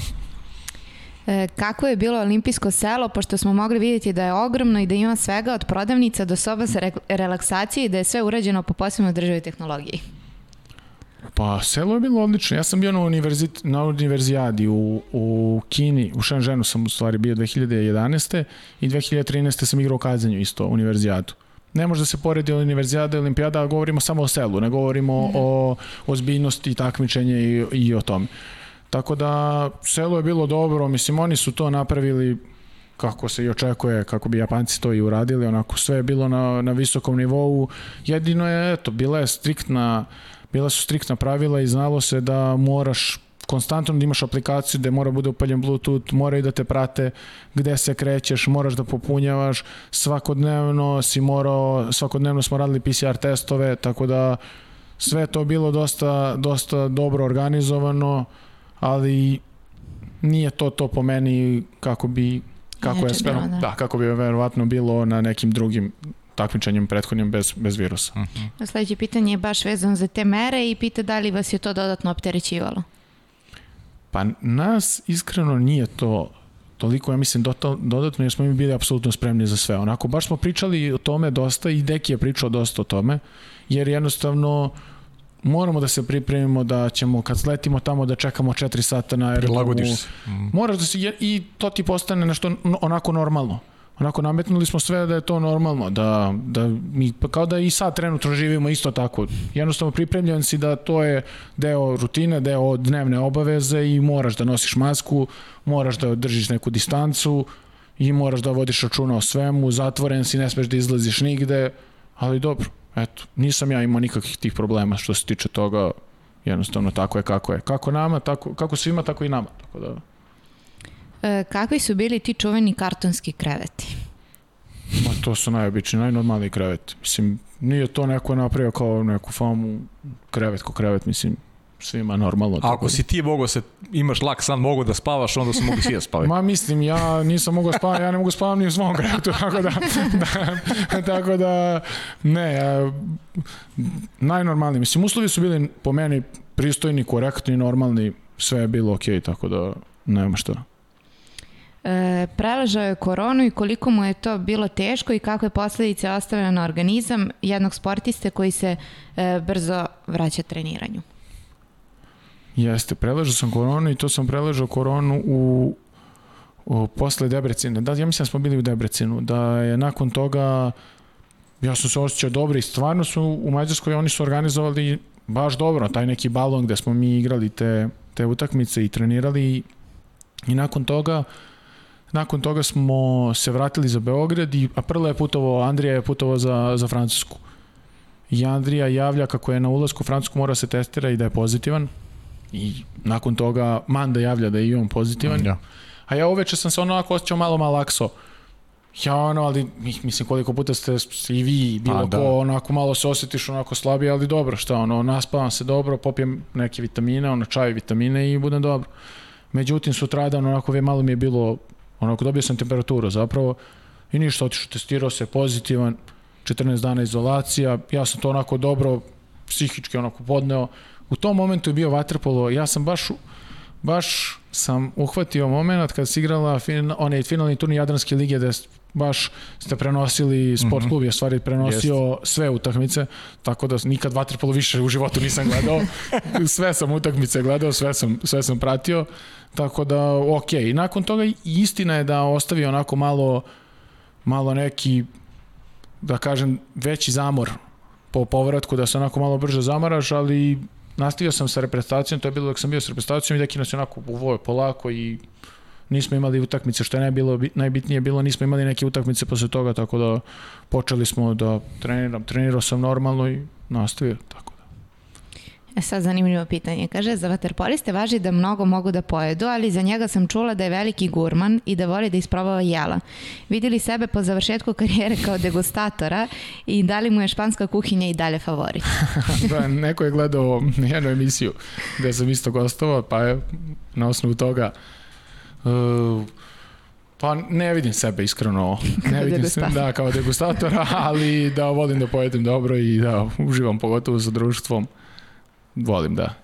A, a španska kuhinja što baš? Da, pa ne, mislim ono volim, jednostavno volim dosta tu kao, ajde da kažem, špansku, mislim volim i italijansku i špansku onako kuhinju dosta, tako da umeju da naprave dosta dobro meso, a ja sam onako obožavam da ga jedem, tako da dobro.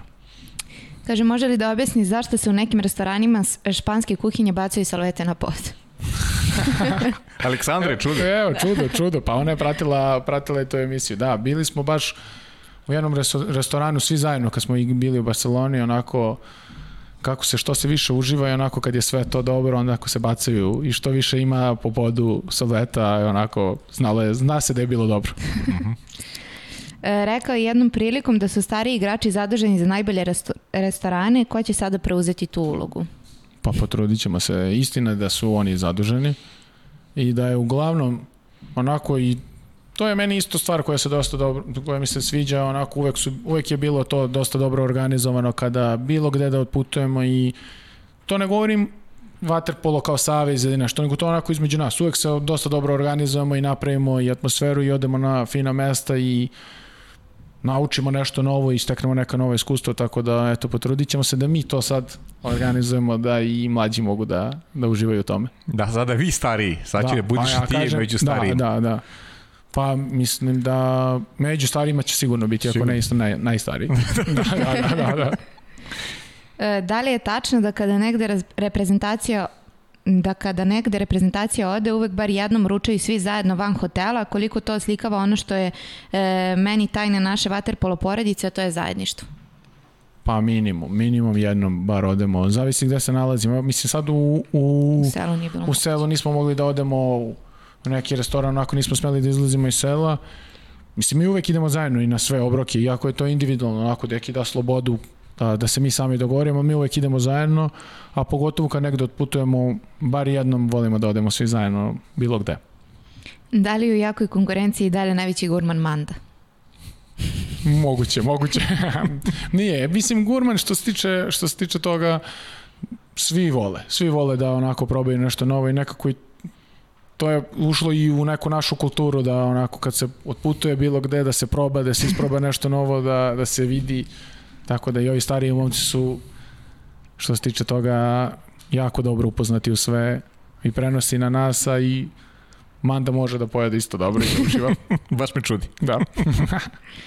Već nekoliko godina je u Nemačkoj koja je, po, e, koja je poznata po pivu, pa šta bira vino ili pivo, kakva su nemačka piva i da li je probao pivo svog kolege Borisa Vapenskog?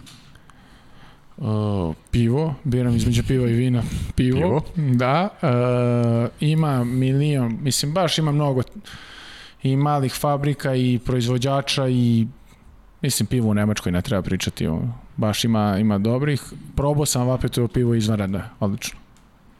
E, sad yes, ja, da, da, da. Ja nisam moram to da probam. Da, odlično je, baš je dobro. Na pitanja sa Instagrama, Ajde. Uh, sad pita Obrad, koliko ste se uplašili kada ste gubili dva razlike protiv Španije, pred kraj da nećete doći do uspeha i poručuje da ste najbolji. Ajde, vraćamo se malo na to. Pa kažem, nismo se uplašili uopšte, mislim da je utakmica jednostavno išla nekim svojim tokom i ono, ljudi, kažem, baš sam i rekao malo pre da smo posle treće četvrtine, ono, ljudi igramo, nastavljamo i to je to, igramo do kraja, utakmicu smo izgubili tek kad sat odzvoni da je, da je utakmica gotova kad istekne vreme. Da. Je li istina da je sa radničkim otišao u Italiju na utakmicu i da se posle toga nikad nije vratio u klub? Jeste, istina. I to je, nije to, to nije moja, to nije moja odluka, to je odluka ljudi koji su vodili taj klub, tako da to nije moja odluka. Istina je da. E, komu je najveća podrška? Lady G pita 44. Porodica, to, mislim, ovo, moji najbliži, porodica. Žena, porodica, svi koji su tu, brat, majka, otac. E, pita VK Čukarica, kakav odnos imaš sa Waterpolo klubom Čukarica i šta misliš o njihovom radu ovog leta i rezultatima? To, tu je trener moj brat. tu je trener moj brat, tako da mora to bolje. mora, Mora bolje, mora to bolje. Ne, dobro rade, stvarno super, išli su i neki pripreme su organizovali i ja sam tu uvek da ih podržim i da im pomognem. Moj dobar drugar i moj brat su onako, svi smo zajedno stvari u tom klubu i kao što sam, kao što sam već napomenuo, kad god je neka neki moment ili neka situacija gde ja mogu da pomognem dolaskom, razgovorom ili bilo čime, uvek sam tu za, za podršku i za postrek mladih ljudi, mladih, mlade dece da se bave vaterpolom, pogotovo. Onda brat pita, kakav stav imaš o Bundesligi i o kvalitetu ostalih klubova? E, stav u Bundesligi, pa evo, kao što sam rekao, solidna, ok liga, najbitnije i najdrže mi je što i Hanover tu i što postoji. Meni neko, moj predsednik kluba se ne bi složio sa mnom, ali ja, što su i oni tu, ali meni je drago što su tu i što imamo te utakmice dobre, tako da je to što se tiče lige. A koje je bilo drugo pitanje?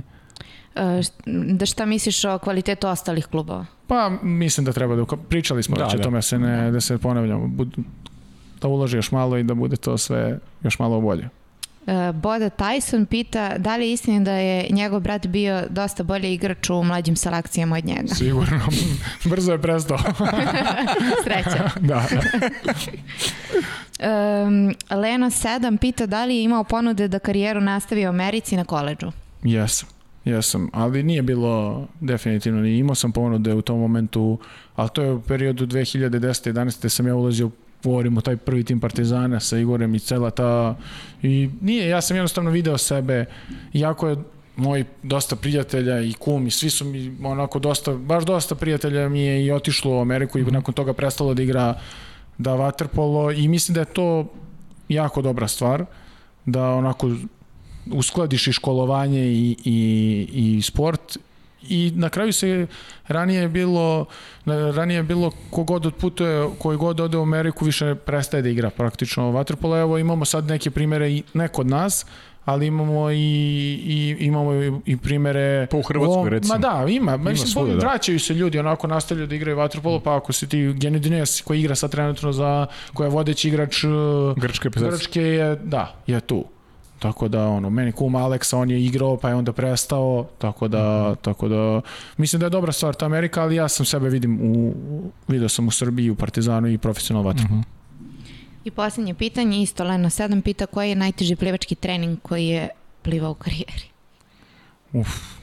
Pa ne, stvarno ne. Bilo je baš, baš mnogo teških treninga, tako da i svake godine ne, ne, ne bih izdvojio ništa nešto sad specijalno, jer svake pripreme bude po jedan veoma, veoma težak.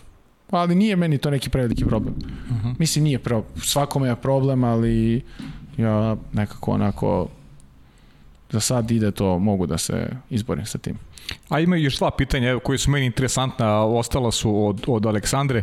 E, šta misli, da li će ovaj veliki uspeh koji su postigli biti okidaš da se neki novi klinci odazovu pozivu i krenu na vaterpolo, ali i da se uloži u infrastrukturu jer u mnogim gradovima djeca nemaju priliku da treniraju. I koji savjet bi dao mladima? Iskreno se nadam. Mislim da je to možda i najbitnija stvar od svega. Pa Po sigurno meni, jeste po meni toga. je to najbitnija stvar od svega i zato ja i kažem i na bilo koji način ako možemo da promovišemo, da postreknemo mlade ljude da se bave ovim sportom, mislim bilo kojim sportom, ali trenutno mi smo u vaterpolu, ajde da kažemo vaterpolom, to bi bilo najdrže, ja kažem, ako zbog ovog nekog našeg uspeha, a verujem da hoće, bilo neko, neko dete počne da trenira va- vaterpolo, ja sam srećan, stvarno, zbog toga. Mhm. To je benefit ozbiljan, da. Benefit, da, benefit od. Pa neki savjet koji bi dao mladima, eto, da... Strajan, pa, pa mislim... Evo, savjet- evo, evo, e, da li mu je životni moto dalje radi osnovni ključ svakog uspeha? Jest. Jednostavno je. Na kraju, To je možda i savjet mladima. da, to je sa, po meni da. Pre ili kasnije se isplati na ovaj ili onaj način. Sigurno. Mhm. Tako da... Pa eto, i u tvom primjeru iz ove dva sata. Pa da, evo, mislim ja, je, to je neko moje mišljenje, onako, ja volim da budem čist pred sobom, da dam svoj maksimum i niko ne garantuje da ćeš, evo, igrali smo i to evropsko prvenstvo, smo ispali, igrao sam u četvrtfinalu i svetsko i evo sad smo došli do samog kraja gde do na, najvećeg mogućeg odlučija koje može da bude u sportu. Pogotovo i u vaterpolu, mislim i u sportu. Pa u sportu. I, u sportu, da. Olimpijski šampion, tako da ono... A to nije ne, neko kaže i slušao sam ono kao preko noći, ne može preko noći ništa, to je onako godine i godine rada i treninga da bi se na kraju došlo do toga, ali uvek sam bio čist pred sobom i nekako ni, ni ne bude mi, bude mi naravno žao, ali sam onako znam da sam sve odradio što je do mene, pa mogu da, da se nadam najboljem i najviše. Hoćemo ovo za kraj porodicu, a?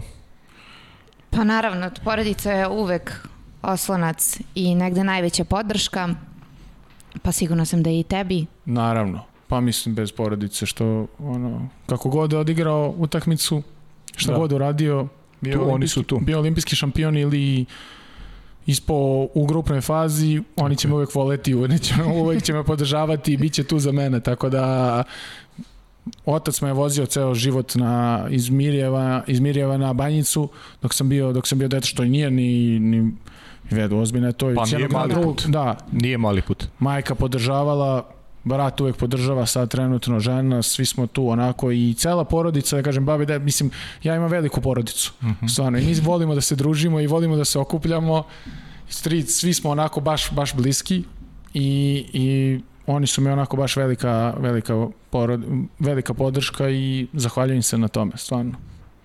Nikola, uvek volimo da pitamo na kraju uh, da li ima nešto što ovaj, nismo pitali, a ti bi volio da kažeš? Iskreno, mislim da ne. Sve ste, u suštini sve, sve sam rekao onako i jako mi je bilo lepo ovde kod vas i onako pri, pri, prijatna atmosfera, prirodna je i može da se razgovara o svemu, tako da da poželim i da pozovem što više dece da, da dođe da trenira vaterpolo to zovemo stalno, ali imamo Vanja, daj još jedan onaj posljednji video da vidimo pre nego što... E, nema šta da pitam, samo hoću da kažem da je mnogo lepo. Eto toliko. o, o. ovo, je, ovo je snimak od pre dva sata. Pre... Evo isto i sa maj, majke. Tako pa da. Pa je malo da, eto, da malo prenesemo ambijente, dakle, vi ste non stop ste sad u nekim druženjima. I, jasmo, jasmo. I hva, e, upravo zbog toga, hvala ti puno što si izdvojio vreme i došao ovde da, da podeliš s nama te neke prve utiske utiske, jer ovaj, privilegija je da ti imamo ovde za stolom. Znam da e, ste svuda, sada ste najtraženija roba na svetu, svi vas sada zovu i mnogo ti hvala, uživali smo u ovom razgovoru i ono što samo želim za kraj da nam obećaš da ćeš ponovo biti tu sa nekim novim vaterpolo pričama, kako klubska karijera, tako i represivna, ti si jedan od onih koji treba da, da vuče sad ove mlade generacije i da bude lokomotiva, ono što su bili Fića, Mića, Andrija i ostali velikani koji su se oprostili. Da, ću sve od sebe da to bude i tako i kažem, prijatno mi je ovde bilo i hvala vam na pozivu i uvek ću se rado odazvati kao što sam i sad. Hvala puno Nikola, šta kažemo Saro?